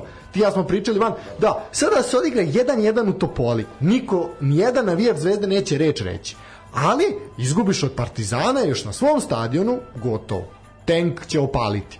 Znači, evo, tu, tu, ja mislim da je tu problem, a evo sad vi kao predstavnik ti, medija pa, može da kaže da... Milojević koji, zna, ja ga znam šta je pričao i javno i privatno o futbalu kao igri, kako je radio. Obojica smo ga slušali. I sad, se, I sad odmah on te, okreće kontru za derbi, ma potpisao bih ja 150 ovakvih 1-0, znači čovek u, u strahu, ja mislim da da samo čeka neku ponudu ponovo sa zapada i da od... Nažalost, e, novinarska profesija u Srbiji je devalvirana sportskom novinarstvu naročito. Sa dve posete utakmicama mladi ljudi već misle da su osvojili ovaj novinarske kvalitete i da mogu da autoritativno najavljuju i komentarišu vama svaka čast, zaista. Da, već sam mislio da će biti kritika, ali... Način, način, ne, ne, ne, ne, način na koji ste pripremili sve ovo, ovaj, malo ste mi zatekli u nekim pozicijama gde nisam imao odgovore, da sam znao i da ste bili korektni i pošteni, pa da mi kažete da se i ja malo spremim, ali dobro. Svaka čast. Na iskustvo, na iskustvo. Svaka čast. Ali, a, način na koji se najavljuje derbi, na koji se odjavljuju derbi, upravo idu u smeru da se dešava to što se dešava mislim da se manje pričalo o, o, o, o kvalitetima i o igri igrača, a više o tim nekim ekstremnim situacijama i pre i za vreme i posle utakmice koji daju upravo taj ton derbiju koji niti je sportski, niti je futbalski koji protiv koga moramo da budemo u svakom trenutku. Druga stvar, pomenuli smo Duljaja, pomenuli smo Milojevića ljude za koje, barem što se trenerskog staža tiče, ja ne znam da su nešto uradili. Pa svojim, je ovo prvi angažman. U, svojim, u svojoj karijeri. A Milojeviću? Pa što je bio imao... pomoćnik. Ne, ne, Milojević je imao, gledaj kako on je, nije bio veliki igrač, on je iz treće švedske lige dogurao do prve sam Albijem, je vodio Hamar, bi u lepu Evropu, da. malo ušao ovaj, malo da imao Evo, ja sam naučio, ja sam nešto naučio da, večeras, da, neka, ali ja nisam tog čoveka nikad čuo pre, pre, naravno to mi je minus, ali dobro, penzioneru se i opraštaju neke stvari, ali ovaj bez velikih futbalskih trenerskih imena na klupama Partizana i Crvene zvezde, ja ne mogu da vidim derbi u punom sjaju. Dakle, da bi i Partizan i Crvena zvezda izašli na teren i da bi tu bio ne znam, neko ko je, ko je, ko je zaista trener, veliko trenersko ime, u tom trenutku pretpostavljam da bi i drugačiji odjek, drugačija refleksija sa terena otišla u, u, u medije. Tako da Pa evo, mislim sad kad ste ovo spomenuli, da. uh, pričali smo o smenama trenera. Uh, sadašnja uprava futbolskog kluba Partizan na čelu sa gospodinom Vučelićem, gospodinom Vazorom su smenili uh, 11 trenera. Ovo je 12. trener za koliko su, koliko su oni ovaj, na čelu, na čelu futbolskog kluba Partizan. Vi sad nadam, pročitate... se da su ispun, nadam se da su ispunili normu. Pa da, da, da, da će ovaj, kada vi pročitate koja su to imena, vi tu sem eto recimo Miroslava Đukića, i nemate neko veliko trenersko ime. To su sve ljudi uh, koji su, ono, ajde, Ljubinko Drulović, Ivan Tomić, uh, Zoran Mirković, pa Sao Milošević, pa Aleksandar Stanović, Ilija Stolica, to su sve ili su se jako kratko zadržavali, bili su ta neka prelazna rešenja, što bi rekli partizanovi vojnici koji su eto uleteli kad niko nije hteo. Imali ste sad Gordana Petrića, eto izuzetak je Marko Nikolić koji je čovjek i uzo trofeje i Zoran Kiza Miliković koji inače rekorder po broju klubova koje je vodio u Superligi. E sad, ko se seti koliko klubova? Zoran Milinković. Zoran Milinković je uz Menada Lavatovića jedini trener koji je u Vojvodini izdržao godinu dana. A znate koliko ukupno, ukupno ovaj klubova vodi? A sad ćemo reći. Zoran Miliković čak devet. Znači, evo ako rećemo, Obilić, Spartak, Vojvodina, Ofka, Beograd, Voždovac, Partizan, Rad, Radnički, Kragujevac i Napredak. Svi su bili superligaši u tom momentu. A Lalatović ima 8. Znači ako Lale potpiše na novom nasilju, odnosno za sa mladosti, to je to. Izjednačit će se sa Lalatovićem. Eto. To. Eto. I sad to će biti e, prelazak Nenada Lalatovića u mladost GAT, to će biti vest na naslovnim stranama gde će se verovatno onda pojaviti kalkulacije da su upravo mladost GAT i radnički odigrali, pa je rezultat bio to je, to je priča, to je priča koja će zaseniti sve ono što se dešava na terenu, pa i rezultat i konačan poruku sportskog futbolskog. Tako je uvek sa Laletu. Pa jest. Da, sad stiglo je pitanje i ovo je jako dobro pitanje i čekao sam pravi moment da, da, da postavim. Da li mislite da, e, kao što se sankcionišu igrači, mislim, bit će disciplinskog izbono Ricardo šta je napravio i tako dalje, sigurno će biti kažnjen i imali smo i prilike i za neke grublje startove, se svašta nešto, sudije se kažnjavaju kad pogreše i tako dalje. Da li mislite da se trener isto tako Lalatovića i pogotovo, ovaj, da li mislite da treba sankcionisati i sportske novinare? Da li i oni mogu da podlegnu nekoj, nekoj sankciji kada doprinose toj nekoj atmosferi linča pogotovo i tako dalje. Teško je to dokazati, to ja ne vidim načina. Ne možete nikom izreći kaznu po bilo kom osnovu koliko to nije predviđeno nekim pravilnikom, da li o kodeksa novinarskog udruženja ili kodeksa futbolske organizacije na kraju krajeva ili nekim civilnim, ne znam, nija izvan futbolskim uh, protokolima, ali ja ne vidim načina kako. A da bi trebalo, da trebalo bi zaista i mislim da svako onaj ko podgreva takve mogućnosti za bilo kakve ekscese, da ga treba ne kaz, nego odstraniti iz uh, futbolskog okruženja. Takvi ljudima nije mesto u futbolu. E sad, lako je to reći, ali kako pronaći način, kako definisati normu da bi se ta kazna izrekla, to već ostavljamo pravnicima na na ovaj, u amanet. Sve ste rekli. Imam da. pitanje za tebe. Je stiglo... Uh, Od koga stižu pitanje? No, koliko pitanja je stiglo? Ima, kaže, aj, moram jedno pa ćemo se vratiti. Kaže, pozdrav za Laza, kada će na police da gledamo Leotara? Leotar ove sezone može se reći ozbiljno. Ovo, sad ne znam koliko ste ispratili, ali... E, to je neki moj sigurno. Novostavski trebinjac rođen ko zna gde. Ovaj, ja sam u kontaktu sa Leotarom i ako otvoriš stranicu FK Leotar ili neki portal Bosni i Hercegovini poput recimo Trebinje live. portal jeste Trebinje danas da. u Trebinje danas sigurno ne znam da li je Live to objavio ili, ili ovaj portal a, premijer Lige Bosne i Hercegovine onda ćete naići na informaciju od 28. februara da je e, sad tako piše tamo čuveni sportski novinar iz Novog Sada donirao Leotaru komplet sportske opreme, kvalitetne, 22 dres, kompleta dresova i 10 lopti u mom klubu u kome sam nekada i ja bio član omladinske, omladinske škole. Svaka čast, nema šta. Koju, koju ste poziciju igrali? Golman. Gol. Nisam igrao. Svaka čast. Svaka čast. Da, da. O, šta je za mene pitanje? A, pitanje za Milojevića, upravo to. A, kaže ovako, kako komentarišeš a, e, uopšte vođenje utakmice Miloša Milojevića i izmene koje je napravio? A, eto, recimo, ja, tu ne znam šta, ja ne znam šta bih odgovorio tu, zaista. Pa vidi ovako. To mi takvom meču ne znam šta. Po, pa podlegao je pritisku, pošto znam, gledao sam Hamar Basel kad se borio da uđe ovaj, u grupnu fazu sa Hamarbijem, što bi bilo istorijski, to su dva čoveka. Eto, sve sam ti rekao. Pa ne, mislim, ovo je zaista jako je ovo bilo jako strašno je bilo se ne, i, i zaista ono ni sekunda više njima nisu zaslužili treba ono što, što treba reći što treba da ih brine to je abstinencija špiceva i jednog i drugog ovaj Ricardo samo dva gola u prethodnih osam kola Pešić posljednjih sedam gola samo jedan gol i to onaj, od onaj u Ivanjici ali, ovaj, kad ga lopta pogodila u leđa znači u derbiju su linije sužnje ja to ne zameram njima jer oni dobiju najviše batina e, ja zameram uh, znači to je, onda dolazimo od tog straha da se prvo da krila češće napadnu dubinu a da se vezni igrači pridodu iz drugog plana. To je problem. Jer ti, ti imaš u oba tima igrače koji iz drugog plana mogu nešto da urade, ali to ne rade u derbiju. I onda, znaš, Ricardo je u fokusu zbog dobre statistike, taj čovek, ja sam ga kritikovao uh, za derbi i ono kad nije dodao Uroševiću na jedna i svašta nešto, ali znači on on ima uvek jednog minimum možda i dva čoveka na leđima ne zna šta će. I kad odloži loptu ako neko pogreši nije kriv. Naravno. ovaj put ne bi krivio Ricarda osim za onu nepromišljenost. Ne bi ga krivio za futbolske stvari.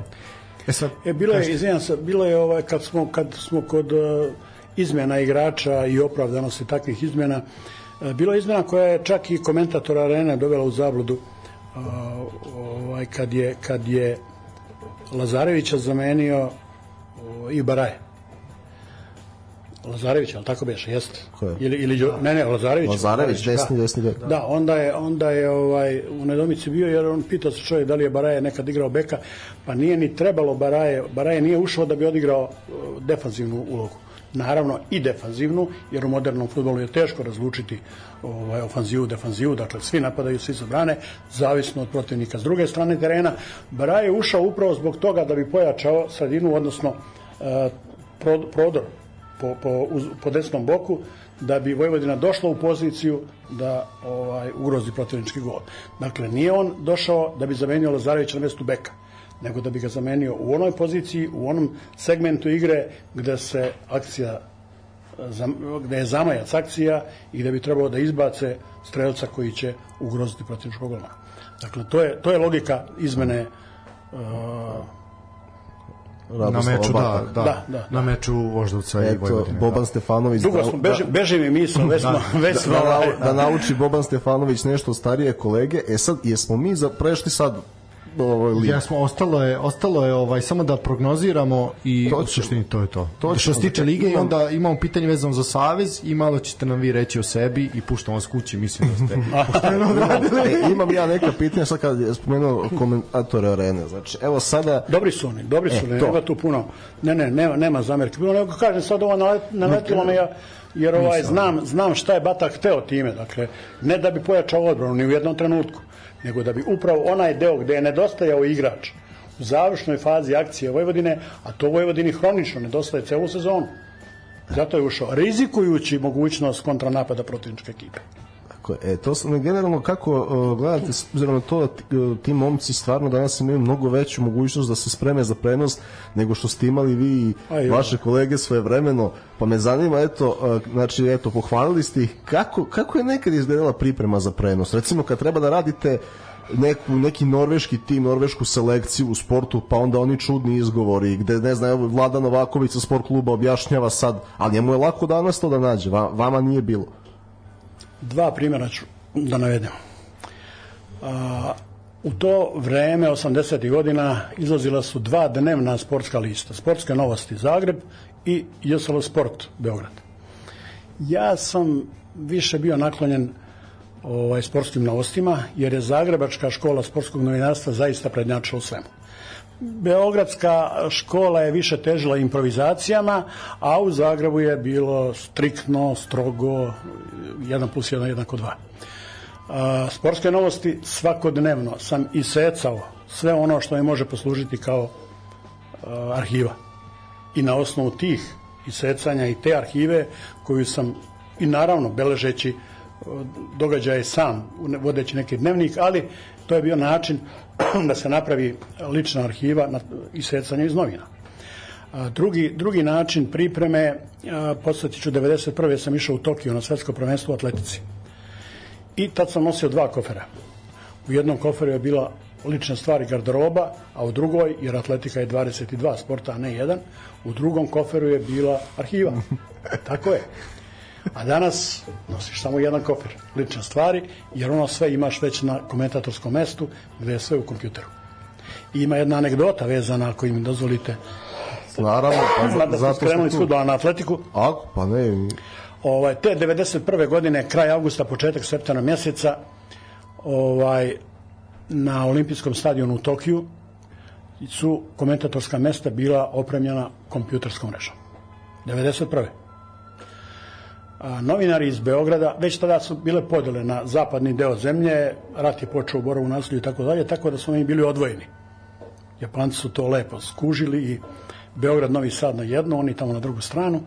Beograđani su već bili, poput Živka Barkasa iz politike, Mićka Markovića, pokojmo duši iz a, politike, ovo je bio žurnal, ona je politika, dobro. Ovaj, oni su bili pre tog u Japanu, u Tokiju na svetskom prvenstvu stonom tenisu. I oni su već uhodali se malo u radu na kompjuteru. Ja prvi put vidim, nema pojma šta je to. Pisaća mašina, ne, nije, šta je.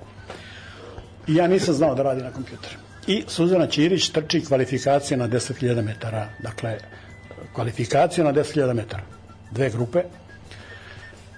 Mislim da je bilo prvih šest iz 6, 6, 12 i 4, 16, da.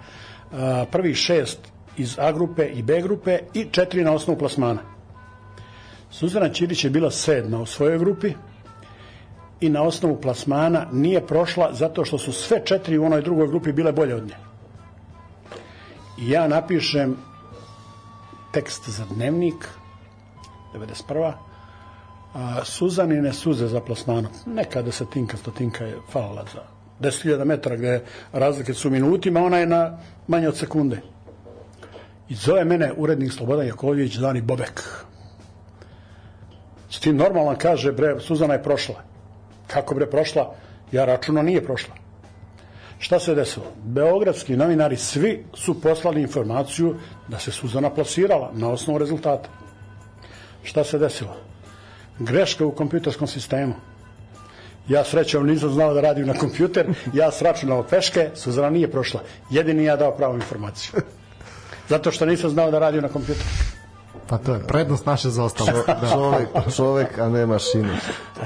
E, recite, evo sad ste pomenuli atletiku i nas dvojicu generalno onako emocije omah tu vuku na pokojnog Duška Koraća i Nedeljka Kolinjala. Ah da li ste kako, da li ste da ste se poznali nego da li ste kako da, ne?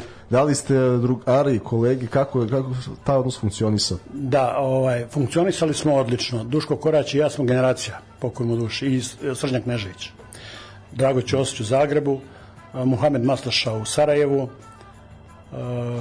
Gani Ajeti u Prištini ovaj Dule Korać je bio jedan specifična ličnost, drugarčina i po. Čovjek bez lake na jeziku. Završio je jedan kako je završio. Nekoliko puta suspendovan je u, u toku karijere zato što nije imao dlake na jeziku i zato što mu je ponekad jezik bio brži od pameti.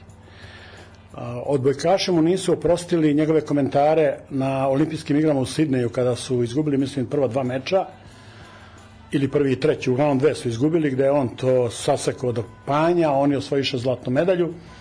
To je ovako jedan gaf koji je načinio u karijeri i od tada je on vodio računa o, o svojim komentarima. Međutim, kada su bili komentari uh, inostranih takmičara, poput atletskih, gde nema naših, jel da? onda on sebi dozvoljavao te izlete gde je američke sportiste proglašavao narkomanima, ovako, ovako. ali to je iz, našeg, ovaj, iz naše branše, on da, da, da je to uradio neko drugi, rekli bi vid budale. Ali kad to uradi Duško Korać, onda je to urađeno sa stilom. Žao mi je Srđana Kneževića što je završio tako kako je završio i on je bio izuzetan čovjek, zaista kolega i pomoć. To je bila generacija 80. godina koja, je, koja se držala i koja je zaista na jedan impresivan način sarađivala, jer tada smo imali zajedničku redakciju koja se zvala Jugoslovenska radiotelevizija. I onda su pravljeni pulovi kada su veliki događaji, olimpijske igre, svetska prvenstva i tako dalje, onda je određena grupa komentatora išla na lice mesta, a u zemlji je rađen pul, pa da li je to domaćin Beograd, jednom domaćin Zagreb, jednom domaćin Sarajevo, od, ra, od komentatora različitih studija na jednom mestu.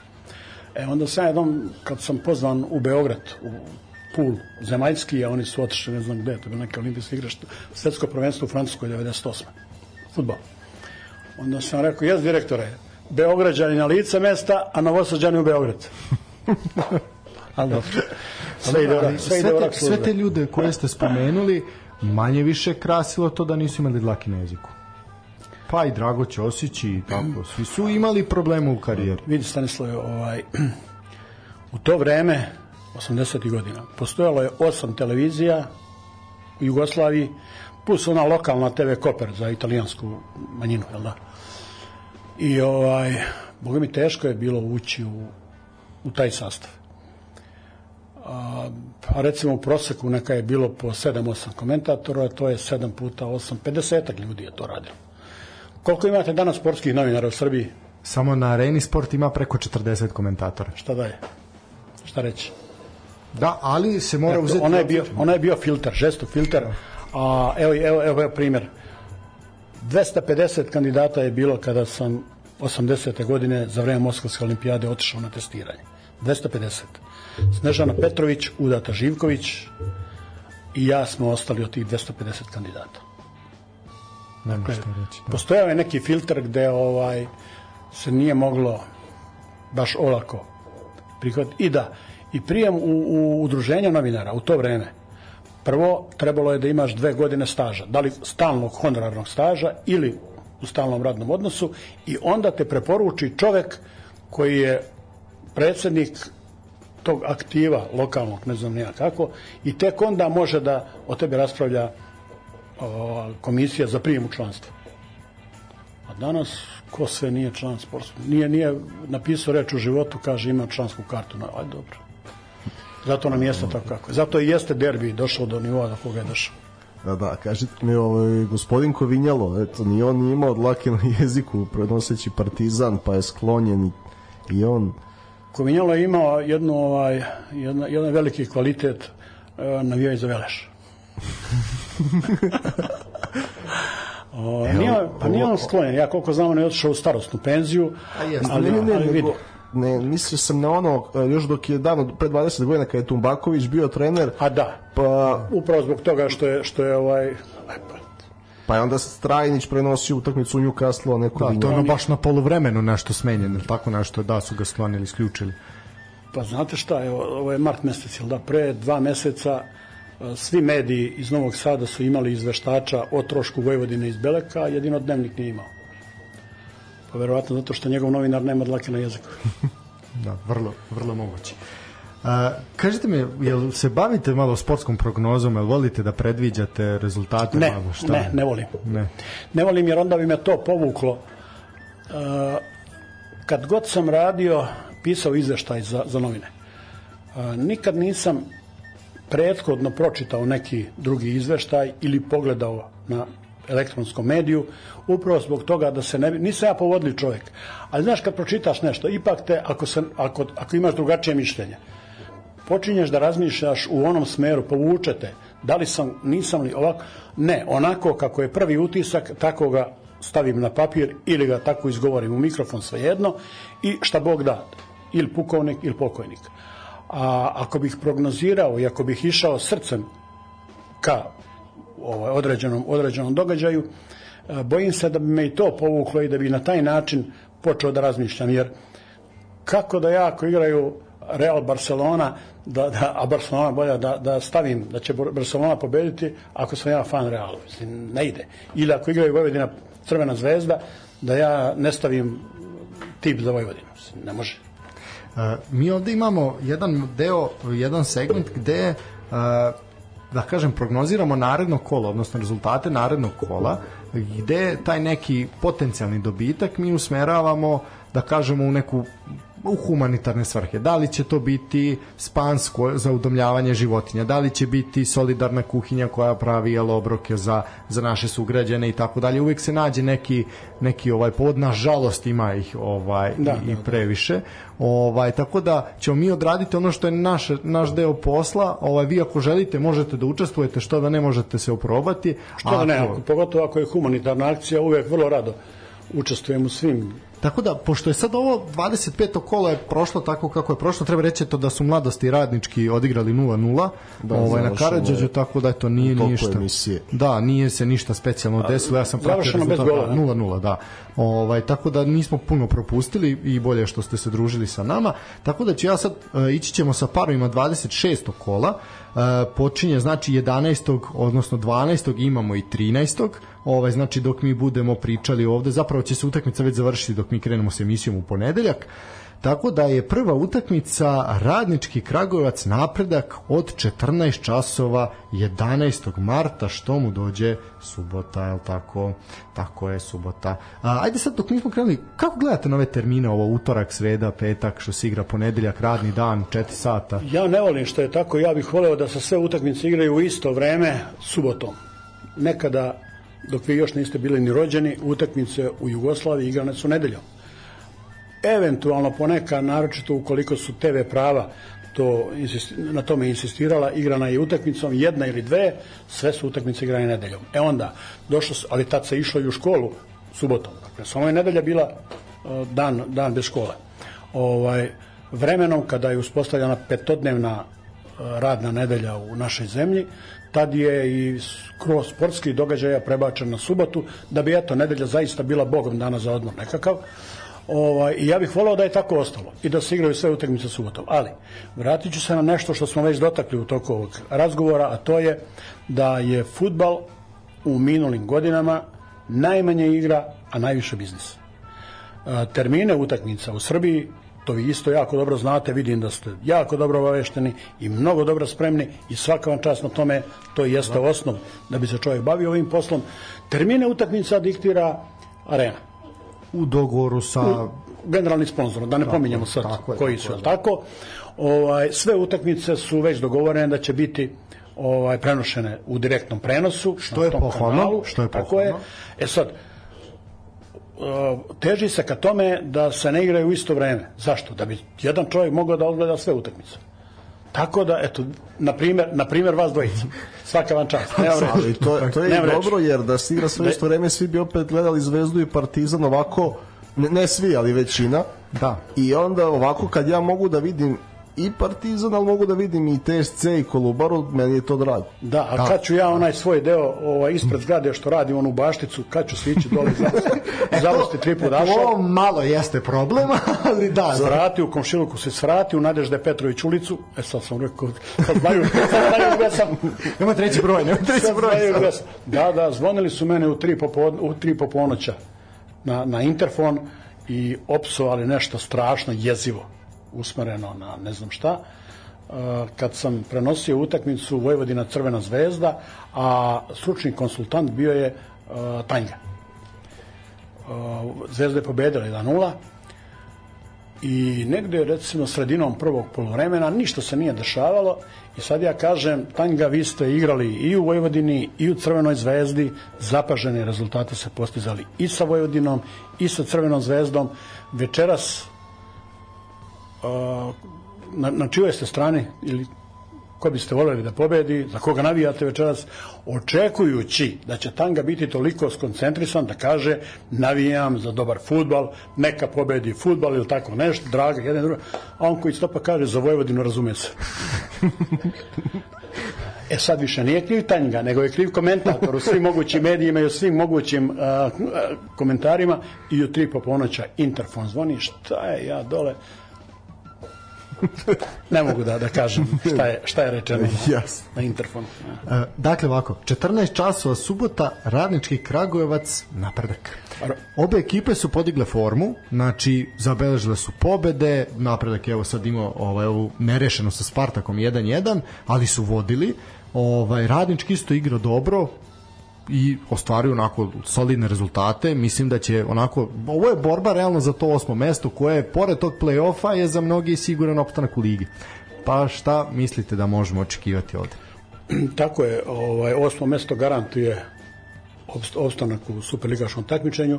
U play-outu, boga mi, takva je situacija, jel da, da niko nije siguran u onih sedam kola koji im predstoje.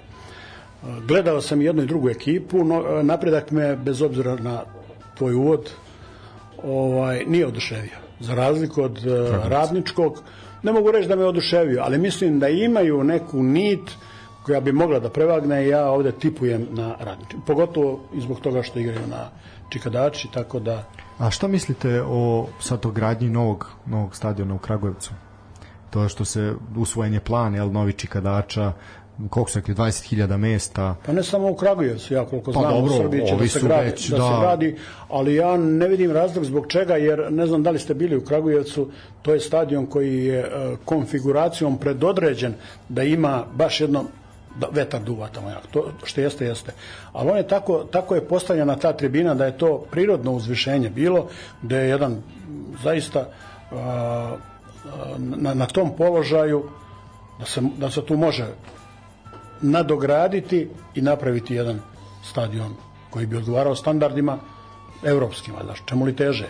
Jer po meni i sada taj stadion zadovoljava uslove ovaj, srpskog, superligaškog takmičenja. Apsolutno, a sad ovi što se grade, što ste spomenuli, ja sam ih namerno izostavio, da, da, da. to su ipak niže ligaški klubovi. Iako su stadioni Leskovac je gotov već, stadioni to je sve... Su, da. Stadioni su za primjer, za razliku od Karadžorđa koji je verovatno, po meni, najružniji superligaški stadion u zemlji. Nije. Nije, u Surdulička bombonjera ubedljivo. Surdulica, boga mi Spartak, mada malo su ga ušminkali, ali da, to ima, ima problematičnih, ali da, slažem se. Nikola, šta kažeš za... A, složio bih se, Keca. Dobro. Ajde, ja ću reći domaćin da, da će dati domaćin dva gola ili više. A, Vojvodina Čukarički.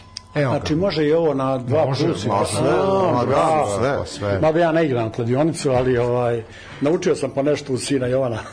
Šta kažete za Vojvodinu Čukarički? Pita na, mene moj sin Jovan posle, posle finala kupa, izvini, posle finala kupa kada je Vojvodina pobedila Jagodinu u drugom pokušaju, prvi je Jagodina dobila u drugom pokušaju Vojvodina i sad posle te utakmice igraju prvenstvenu utakmicu Vojvodina i Jagodina u Novom Sadu. Dakle, osvojili smo kup, i dolazi na Jagodinu u sledećem kolu. Pita mene moj sin kao Čale, imali što od nekakvih nagovešta i to, ja kažem, ma da, 1-0 za Jagodinu. Onako je ono, lupi, znaš. 1-0 za Jagodinu je bilo. ja dobio neki 6000 dinara, pa Čale, kad znaš što ne javiš. ne treba se znati. A zaista sam lupio ja. Šta kažete? Od ovo će biti u igra se od 14 časova u subotu, od 16 časova, pardon, od 4 sata u subotu. Ovaj ovo je nešto što ćemo ja ja mogu reći da ću biti biti prisutan. Ovaj sad dal na istočnoj ili zapadnoj tribini to ćemo videti, ali svakako svakako treba pogledati. Ovde se očekuje dobar fudbal. Kom Vojvodina Čukarički. A Vojvodina Čukarički. Uh. I ja mislim da će biti dobar fudbal. Vojvodina nema izbora. Sve rezerve su potrošene. Dakle, Vojvodina mora da ide na pobedu.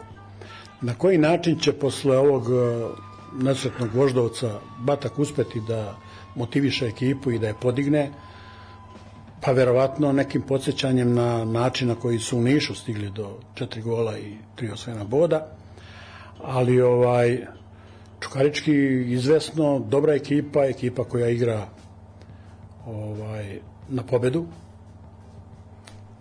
dobila je Vojvodinu 2-0 u prvom delu prvenstva, to je jedna od tri utakmice gde Vojvodina nije postigla gol.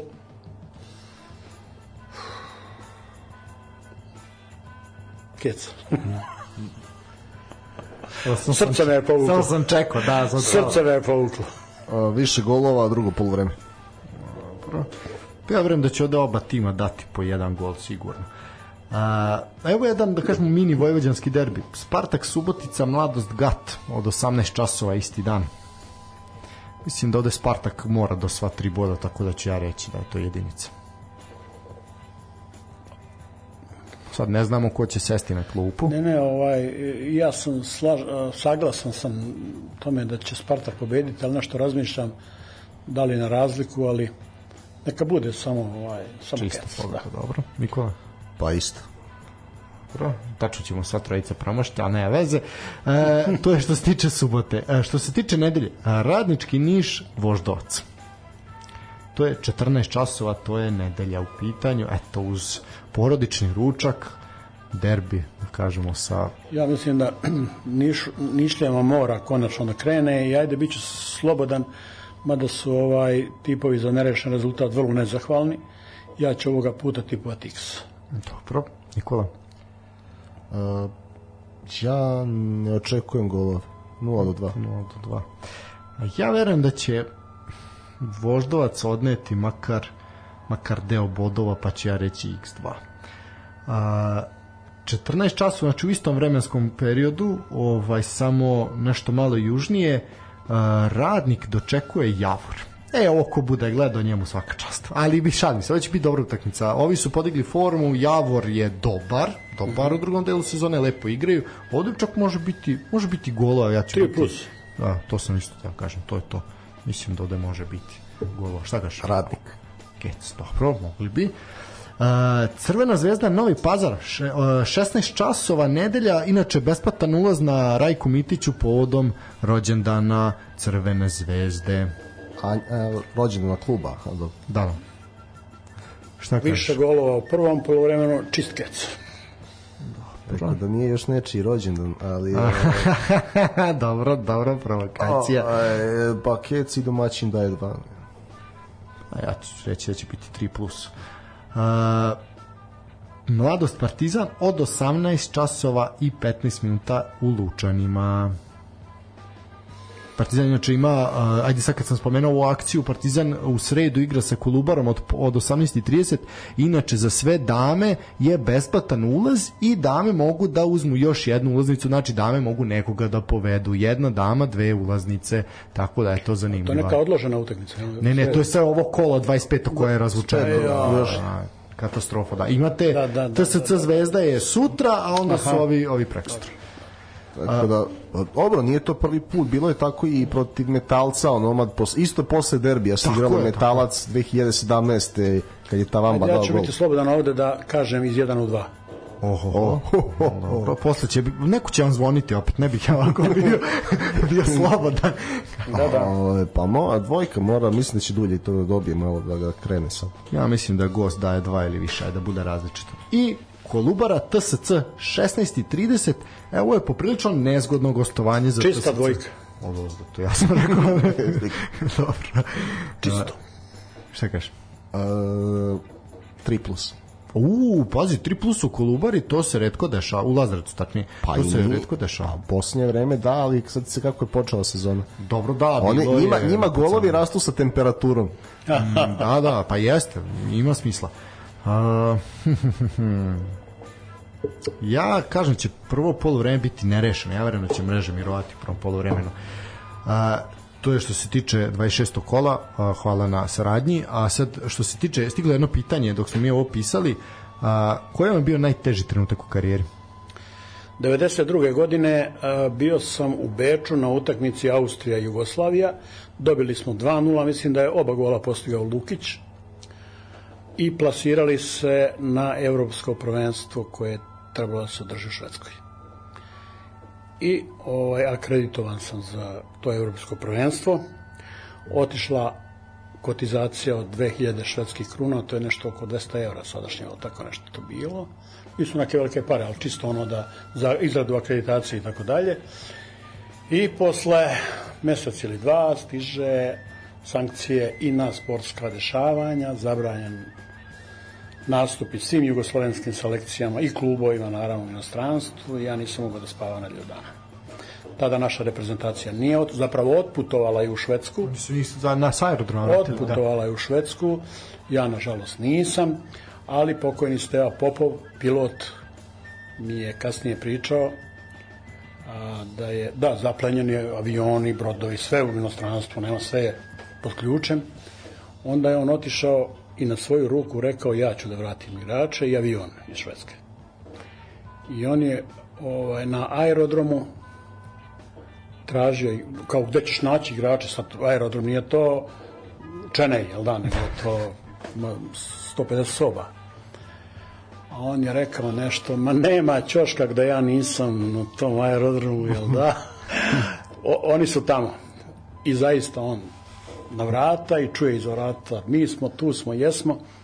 Pokupio on njih i kaže, idemo, ukrcavaj se u avion. Pošto su već u toj zoni, da ne moraju da prođu, oni su prošli kroz, jel? Bezvazdu, na nekog u bezvazdušnoj zoni. I oni se ukrcaju u avion i Steva ga zarola po pisti. I naravno ovi graknuli odmah, nema goriva, nema ništa. I Steva radio vezom traži da, dakle, pošto mi je pričao, poto ja prodajem sva tu priču traži da mu dozvoje da tankuje. Kakvi, nema šanse. I on kaže, ja polećem i spuštam se na autoput Minhen, ne znam, tamo ću da se spustim jer dotle imam goriva. I ovi naravno ne, ne dozvoljavaju, ne može i on ga zarola popisti. I ovi naravno shvate da će budala da poleti. Tako je on rekao, da, ću, da će bud, ova budala da poleti aman zaman dozvoljavaju natočemu gore ovaj idem s, milim vragom iti i avion i on vrati i avion i futbalere Jugoslavije vrati i na aerodrom Beograd. Pokoj mu duše slava mu. Slava evo recite sad kad ste pomenuli uh, takmičenje na koje niste otišli uh, pa ste pre toga pomenuli da ste išli u Japan koje biste još takmičenja i putovanja ovako izdvojili? Ja sam imao dve velike želje kada sam započinjao ovaj, ovaj posao. Dakle, nije mi bilo u prvom redu zarada, pa nije ni bila neka zarada, ali što reče, akreditacije, poznanstva, čudesa, putovanja u to vreme. Imao sam dve velike želje, da posetim Tokio i Rio de Janeiro. I eto, Tokio 91. godine, Rio de Janeiro 2016. godine, ja sam svoje dve velike želje ispunio. Jedino što mi se nije poklopilo, što to putovanje u Rio de Janeiro nije bilo u februaru mesecu za vreme karnevala. Pa dobro, to je, to je poprilično lepo. Eto, to su ovako e, dva putovanja koja se ne zaboravljaju. E, sa osmehom ste spomenuli Velež dva puta tokom emisije. E, recite mi sad, da li ste isplatili nedavno kada su izbacili Ajak? Ne, jer to više nije Velež koji sam ja poznavao i za koji sam ja navijao. Uh, u Mostaru je grad podeljen, Neretva je granica, uh, desna strana je Hrvatski Mostar, leva strana je muslimanski Mostar, bošnjački, kako hoćeš. Ovaj, stadion pod Bijelim brijegom ostao je na hrvatskoj strani i nekako je logično da je to dom Veleža. Međutim, nekim aktima, kasnim, pravnim i tako dalje, to je sada Zrinski. Tako. A na muslimanskoj strani u Salakovcu je nastavljena tako oni kažu, tradicijama, da je to po meni sasvim nešto novo. Ne, to je stadion, za one koji, izvinjam se što vas prekinem, da, za one da, koji da. nisu bili, ja sam bio, to je stadion na potpunoj periferiji grada. To je kao kad biste da, Vojvodinu izmestili u Begeč, otprilike. Da, da, da. da. I, I tu je zaživeo neki novi velež sa starim oznakama, zaista sa onom zvezdom crvenom, u uglovima piše RSD, onda ide Velež Mostar, lopta je u sredini, u sredini, ali ovaj ali to više nije onaj Velež tako da pa čak i Vaha Halihodić nedavno kada je nešto komentarisao otprilike je rekao u ovom to ne, na isti način. To nije Veleš kome sam ja igrao. To zvali su ga zbog nekog, nekog jubileja su ga zvali, pa je onda odbio to, pa to da, izjavio. Da, da. Nije to taj Velež. Vaha je veliki igrač, veliki čovjek, velika ljudina, pravi Jugosloven u to vreme, jedan, jedan ambasador i, i našeg futbala i ovaj, on je bio proglašen za najboljih igrača evropskog prvenstva mladih reprezentacija kada je Jugoslavia osvojila prvo mesto beše nerešeno u, u, u istočna Nemačka. U Berlinu beše 4-4 valjda. A u Mostaru je dobio jednim golom razlike tad je Vaha bio proglašen za najveći igrač Evrope mladog. Tako Ovaj, da, li, da li po vašem mišljenju Velež kao i po mišljenju mnogih igrao najlepši futbal u bivšoj Jugoslaviji? Ja mislim da nema Jugoslovena bez obzira za koga je navijao, kome, kome drugi klub nije bio Velež. Dakle, u to vreme, ako pitate navijače Zvezde, pored Zvezde, koji vam je drugi klub? Hajduk. to je bio Veleš. Ako pitate navijača Hajduka, koji vam je drugi klub? To je bio Veleš. Partizana takođe. Tako da ovaj Velež je e, imao tu svoju školu koja je nastajala na turniru Mahala. To su kvartovi mostarski. I to je ovaj e, pa nešto poput dnevnikovog turnira samo u mnogo manjem obliku, ipak je Novi Sad u odnosu na Mostar tad bio mnogo veći, pa dok je dnevnikov turnir okupljao oko preko 500 ekipa u Mahalama, da, i tamo, tamo se znalo, dakle, ne možeš da igraš za ekipu sa Grbavice ako stanuješ na detalinari. E, tom teži i gospodin Veselin Vilotijević, direktor dnevnikovog turnira, da sledeći turnir upravo organizuje u tom, na, na, na taj način. Da to bude turnir Novosadskih kvartova. I mislim da će to biti pun pogodak. Navijaš za svog, za svog komšiju, tako je. Što da li će uspeti u tome ili ne, to ćemo da vidimo, ali taj turnir Mahala je, na, na tom turniru su ovaj, izrasli gotovo svi futbaleri generacije 70. godina. Oni koji su Derby Countija izbacili, a prethodno je Derby County izbacio železničara, šampiona Jugoslavije tadašnjeg vremena, kad su ga u Mostaru pobedili sa 4-1.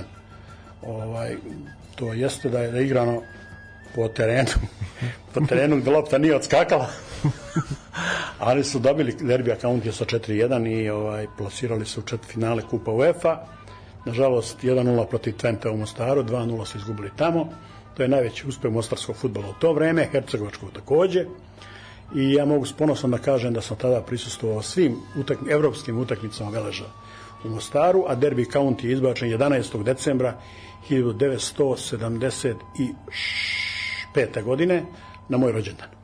Eto, svaka čast. A, spomenuli ste dnevniku turnir, spomenuli ste i sad taj turnir Mahala, ali nešto slično ima i u Zagrebu, to je Kutija Šibica. Kutija Šibica, jeste. I Split mislim da ima ovaj, ima i sad, ja, da, ja, da, ja, da. turnir. Pa to su bila 3-4 turnira u Jugoslaviji gde su dolazili klubovi iz svih krajeva zemlje. Da, čak se u nekom periodu koliko sam sad slušao starije ovaj u nekim emisijama i tako su e, klubovi imali problem da zabrane igračima da da ne igraju te turnire tako da, je, tako da ne bi se povređivali. Pa rekao sam, pomenuo sam da Mima Rastovac ovaj učestvovao na turniru te 87. godine u ekipi Mali đavoli kad imao 12 godina i ja njega pitam pošto sam ja bio port parol ovogodišnjeg turnira dnevnikovog pred početak turnira ovaj hoćeš dozvoliti igračima da igraju na turniru? Ma kakav Ni slučajno. Pa da, pa mislim, jasno zašto. Pa naravno, naravno, slažem, apsolutno, saglasan sam sa tom odlukom. Šta mu treba da se povredi? Mada oni srcem bi svi hteli da odigraju. Ali, pazi, to su profesionalci koji su plaćeni, debelo plaćeni, koji su ovaj, u trenašnom procesu, pogotovo u to vreme, pripremni period za drugi deo prvenstva, šta mu treba da nekom iskoči iz globila, ne znam nija šta. Da napravi problem. Još ono što, što ste meni rekli u, u ofu, a ja bih voleo za kraj da, da, da to spomenemo, kako je zapravo i koji put je izabrao Lazo Bakmanzi, kako to, je vrlo lako smo mogli imati uh, da kažem umesto proslavljenog novinara i sportskog komentatora smo mogli imati Vene umesto Veneove zbirke mogla je biti Lazina zbirka. Bogoslava Vena. Da, ovaj, da. Kako? To, nije, to nije bio uh, udžbenik uh, koji je propisan od Zavoda za udžbenike uh, pa vi, ne znam da se sećate skoro su prošli mnogo grešaka. ali su svi profesori matematike sugerisali i preporučivali tu zbirku. Mada nije bilo u nastavnom programu Tako je, ja nažalost nad njom da. se plakalo, mogu vam reći, ovaj mi koji smo išli u medicinsku školu zato da bi izbegli matematiku. Odlična zbirka za pripremu na takmičenje, ja sam išao na takmičenje u Sarajevo, republičko. Ovaj da, ja sam kao osnovno školac bio član to se tad zvalo Narodna tehnika. Ne, Tehnika narodu. Tehnika narodu. A, bilo, imalo je neke svoje segmente, ja sam bio član raketaša u Trebinju i konstruisao sam rakete i to je mene jako privlačilo sa Jasenkom Kapičićem koji je bio predsednik tog raketaškog kluba. Objavljivao sam svoje konstrukcije u vojnom sedmičniku, nedeljniku koji se zvao Front. Nagrađivani su ti, ti moji radovi i zavoleo sam konstrukcije. I onda sam poželeo da se u životu bavim upravo tim, ne konstrukcijom raketa, nego uopšte konstrukcijama, dakle bilo čega. I onda kada sam se raspitao koja škola ide u tom smeru mojih želja, onda su mi rekli da je to mašinska tehnička škola, jer tamo su konstrukcije upravo već kreću od prvog razreda. Ja sam sa oduševljenjem krenuo u tu školu i zaista me to zainteresovalo i krenuo sam lepo. I idući, dakle, pohađajući tu mašinsku tehničku školu, imao sam tu sreću da imam pedagoga iz matematike, profesora Miljka Ranđića, po kojemu duši slovamu, ovaj, koji je bio izuzetan pedagog i ovaj, ja sam zbog njega zavoleo matematiku i zaista sam se posvetio matematici ne samo kao školskom predmetu, nego kao nauci koja bi mogla da predstavlja nekakav moj životni izazov. I na profesorov nagovor ja sam upisao matematiku bez prijemnog ispita na Prirodnom matematičkom fakultetu u Novom Sadu. Elem, ovaj, stiže poziv iz dnevnika, iz uh, radio televizije Novi Sad tada, za studente različitih profila koji bi da sarađuju sa televizijom u vreme olimpijskih igara u Moskvi, ja se prijavim, prihvatim, ukaže se prilika da, da je moguće i da ostanem, da mi to bude životni poziv, toliko se posvetim tome, matematika i ovaj televizija, odnosno televizijski izazovi, nisu mogli uporedu jer matematika kao nauka insistira na potpunom čoveku, potpunoj posvećenosti izostaviš par vežbi i nemate više i tako ja kroz tehniku, preko matematike stignem do novinarskog poziva. I tu zaradite zasluženu penziju. Dobro, ali I tako to, do penzije. To znanje iz matematike vam je evidentno pomoglo oko ovog pamćenja datuma Absolutno, i statistike. ne samo to, nego i analitički pristup i mnogim situacijama u novinarskom zanatu, kombinatorika, mogućnosti različite i tako dalje. Da, zaista je ovaj pomoglo, kako da ne. Pa evo i sad u ova dva sata smo se mi uverili koliko puta ste upravo na to, ovaj, kad zažmurite i kad vratite, tačno se vidi da, da te veštine pomažu i dan danas rade? A, ponekad mi je žao što nisam uspeo u tome, ali kad stavim na tas s jedne strane i, na, i to sam htio da spitam, se kajete? ne, ne kajem se, nikad se nisam pokajao zbog toga. Profesor me nekoliko puta ovaj, pitao kako ide, dokle i tako. I onda kad sam rekao, bilo mu je žao. Bilo mu je žao jer je on u meni video svog naslednika, ali ovaj, moram da kažem da je on na neki način iskoristio moju poziciju. A, njegov sin Miloš u Beogradu nije uspeo da se upiše na željeni smer na, ovaj, na informatiku i profesor me pitao da li imam neku mogućnost da ga upišem u Novi Sad. Da, oni su preselili u Beograd nakon ratnih izbivanja 90. neke godine i ja kažem da ćemo pokušati i tad je uh, profesor Kovačević bio je prodekan na FTN-u ovaj, s njim sam stupio u kontakt, kako da ne, kao nema problema, mi ćemo njega tu, ali će morati da samofinansiranje, ne može na, na budžet, to je popunjeno. I nije bilo problema, ali Miloš se upisao, a, položio sve na, na prvo, posle prvog semestra, kolokvijum i tako dalje i prebacio se u Beograd i on je završio, diplomirao, masterirao, magistrirao u to vreme informatiku i eno ga sada u nekoj od kladionica izvršni direktor, ne znam tačno, ne znam tačno u kojoj je to kladionici, mali Miloš je čudo, čudo čoveka. Ovaj, sam rekao sve što je trebalo. Sve već E da, a kad smo kod kajanja, nijedan od vas dvojice me nije pitao da li bi, kad bi počinjao sve iz početka ponovo... Sledeće, sledeće moje pitanje, da li žali, ajde možda drugačije bih da formulišem, da li možda žalite što ste bili u novinar u tom vremenu kad se sve to dešalo, pogotovo zakačilo se i ta ratna zbivanja i sankcije i tako dalje, da li mislite da možda da bi sad se bolje snašli, da bi bili još uspešniji, da bi bili možda još poznati i tako dalje, da bi ne ne želim ni za jednim trenutkom zato još izvinjavam da, se da, da, da. sad ima mnogo veća je dostupnost sadržaja sad možete da prenosite koju god ligu poželite tako. tada je to bilo mnogo mnogo oskudnije tako je ne želim zato što uh, zato što su mi prirodne katastrofe poput poplava najpre Tise a potom i Save u, u Šapcu i što su mi ratna zbivanja omogućila da izađem iz uh,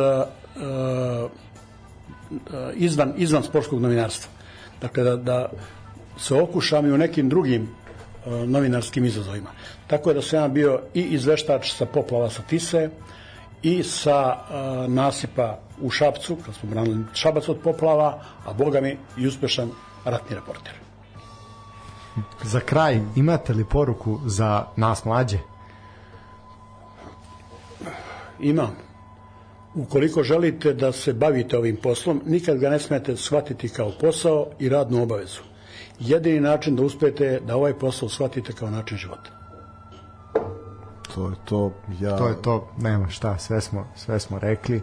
A, ja ne, ne mogu opisati, ovaj, moram priznati da sam, što se vratno i primetilo u samom početku i kad smo kretali, malo su mi ruke ovaj, zadrhtale na mikseti, jer ovo je nešto što sam želeo i što negde smatram ovaj, nekim dugom mlad, prema mladosti i prema tim nekim prvim danima kada smo se i Nikola i ja i naša cela generacija zaljubljivali ovaj sport i futbal i prenose i sve tako dalje tako da ovim je moja duša sad nešto malo mirnija ovaj jer je zaista bila velika čast i ne izmer, ne može se izmeriti koliko je zadovoljstvo što ste odvojili prvo ovoliko vremena za nas i što ste bili fantastični u svom stilu i ono što smo što smo hteli i ona u čemu smo maštali da kao kao klinci od deseta godina sednemo i da mi pričamo otvoreno sa gospodinom Bakmazom i da kažemo Srećom nema kamera pa nije video prenos Evo, inače bi se videlo koliko sam pocrveneo. Tu smo tu smo znači tu ima, smo ima nešto ima nešto još da da ovaj da poentiram na kraju, ubedili ste me da nisam pozvan samo zato što vam je nedostajalo kvalitetnih gostiju. Tako je. Hvala vam. Evo, ja bih završio s ovim, ovo je, znači sad smo tu e, dva sata i 20 minuta, tako da sam dobio, evo, znači podsjetio sam se, dobio sam dva poluvremeni produžetak i penale sa Lazom Bakmazom. to je to, ne, ovo je, ovo hvala je zaista... Hvala vam lepo, divni ste.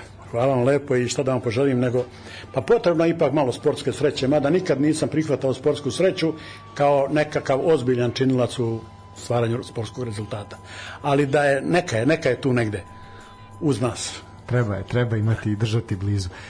Još jedan put zaista hvala. Hvala svim ljudima koji su slali poruke, koji su slali pitanja. Mnogo, mnogo pozdrava je stiglo, mnogo, nisam sve ni čitao, znači mnogo, hvala svima. mnogo, mnogo i to ono što, što ovaj, verujem da će vas radovati, to su sve mladi ljudi, naši prijatelji, poznanici koji, koji zaista ovako, ono što ste rekli kad ste dolazili, kako smo se vas setili, nisu vas zaboravili i neće vas zaboraviti i treba ono što ste rekli isto ja samo želim vam to da što duže i koliko god vas bude i zdravlje služili budete vi hteli u krajnjoj liniji da budete ovde prisutni sa nama u poslu i van posla i sve ovaj da se družimo. Naš poziv vam je ovde uvek ovaj vi ste uvek dobrodošli uvek je poziv otvoren ne mora biti ovako dugo možemo iskratiti neke kraće distance ali zaista uh, svaka vam čast na celokupnoj karijeri i hvala vam što ste eto i na nama ulepšali ne samo ovo veče nego evo i ovo sve što radimo Ako sam odgovorio na izazove koje ste postavili u ovoj emisiji, onda sam meni srce večeras jako na mesto. Odgovorili ste, hvala. hvala vam, uvek ste dobrodošli, imate otvoren poziv, osim da dođete ovde da gledamo utakmice naše lige zajedno uživo. Ovo sa zadovoljstvom da Imaću, imaću šta da naučim i od vas mladih. Po, pogotovo Kolubara i Javor. Da, da, da. da. Tako da, eto, to bi bilo to. Sledeće nedelje nadam se, eto, da ne trčimo pred drugu. Nećemo, ništa. Ali, neće, da. Uh, za, tražimo, znači imali smo sad jednog doajena, a imamo sad mlade snage. Sledeće nedelje mlade snage. Tako da, to je taj miks iskustva a, i mladosti koji nam je potreban. Pobegli ste od teme uh, Vidić Džajić jer znate šta je moj stav ali neka to ne, neću, to vam neću zaboraviti. Nismo pobegli, ali nismo nema više vremena. Da, nego, ali, ovaj, jednostavno, ovaj, ta emocija s kojom ste pričali drugim stvarima je da, jednostavno, nije, nije trebalo jedno... kaljati ovom temom, a kad se održe izbori, ako budete želeli, dođite doći, pričat ćemo. Hoću, ćemo samo hoću sa zadovoljstvom. E, Zaista mi je zadovoljstvo. Drago nam je. Ljudi, uživajte, odmarajte do sledećeg ponedeljka se čujemo imate 7 dana da smislite pitanja koje tako je na vreme ćemo Zahvaljujem se svima, nastavite u istom ritmu. To je to, uživajte. Laku noć, prijatno. Hvala svima.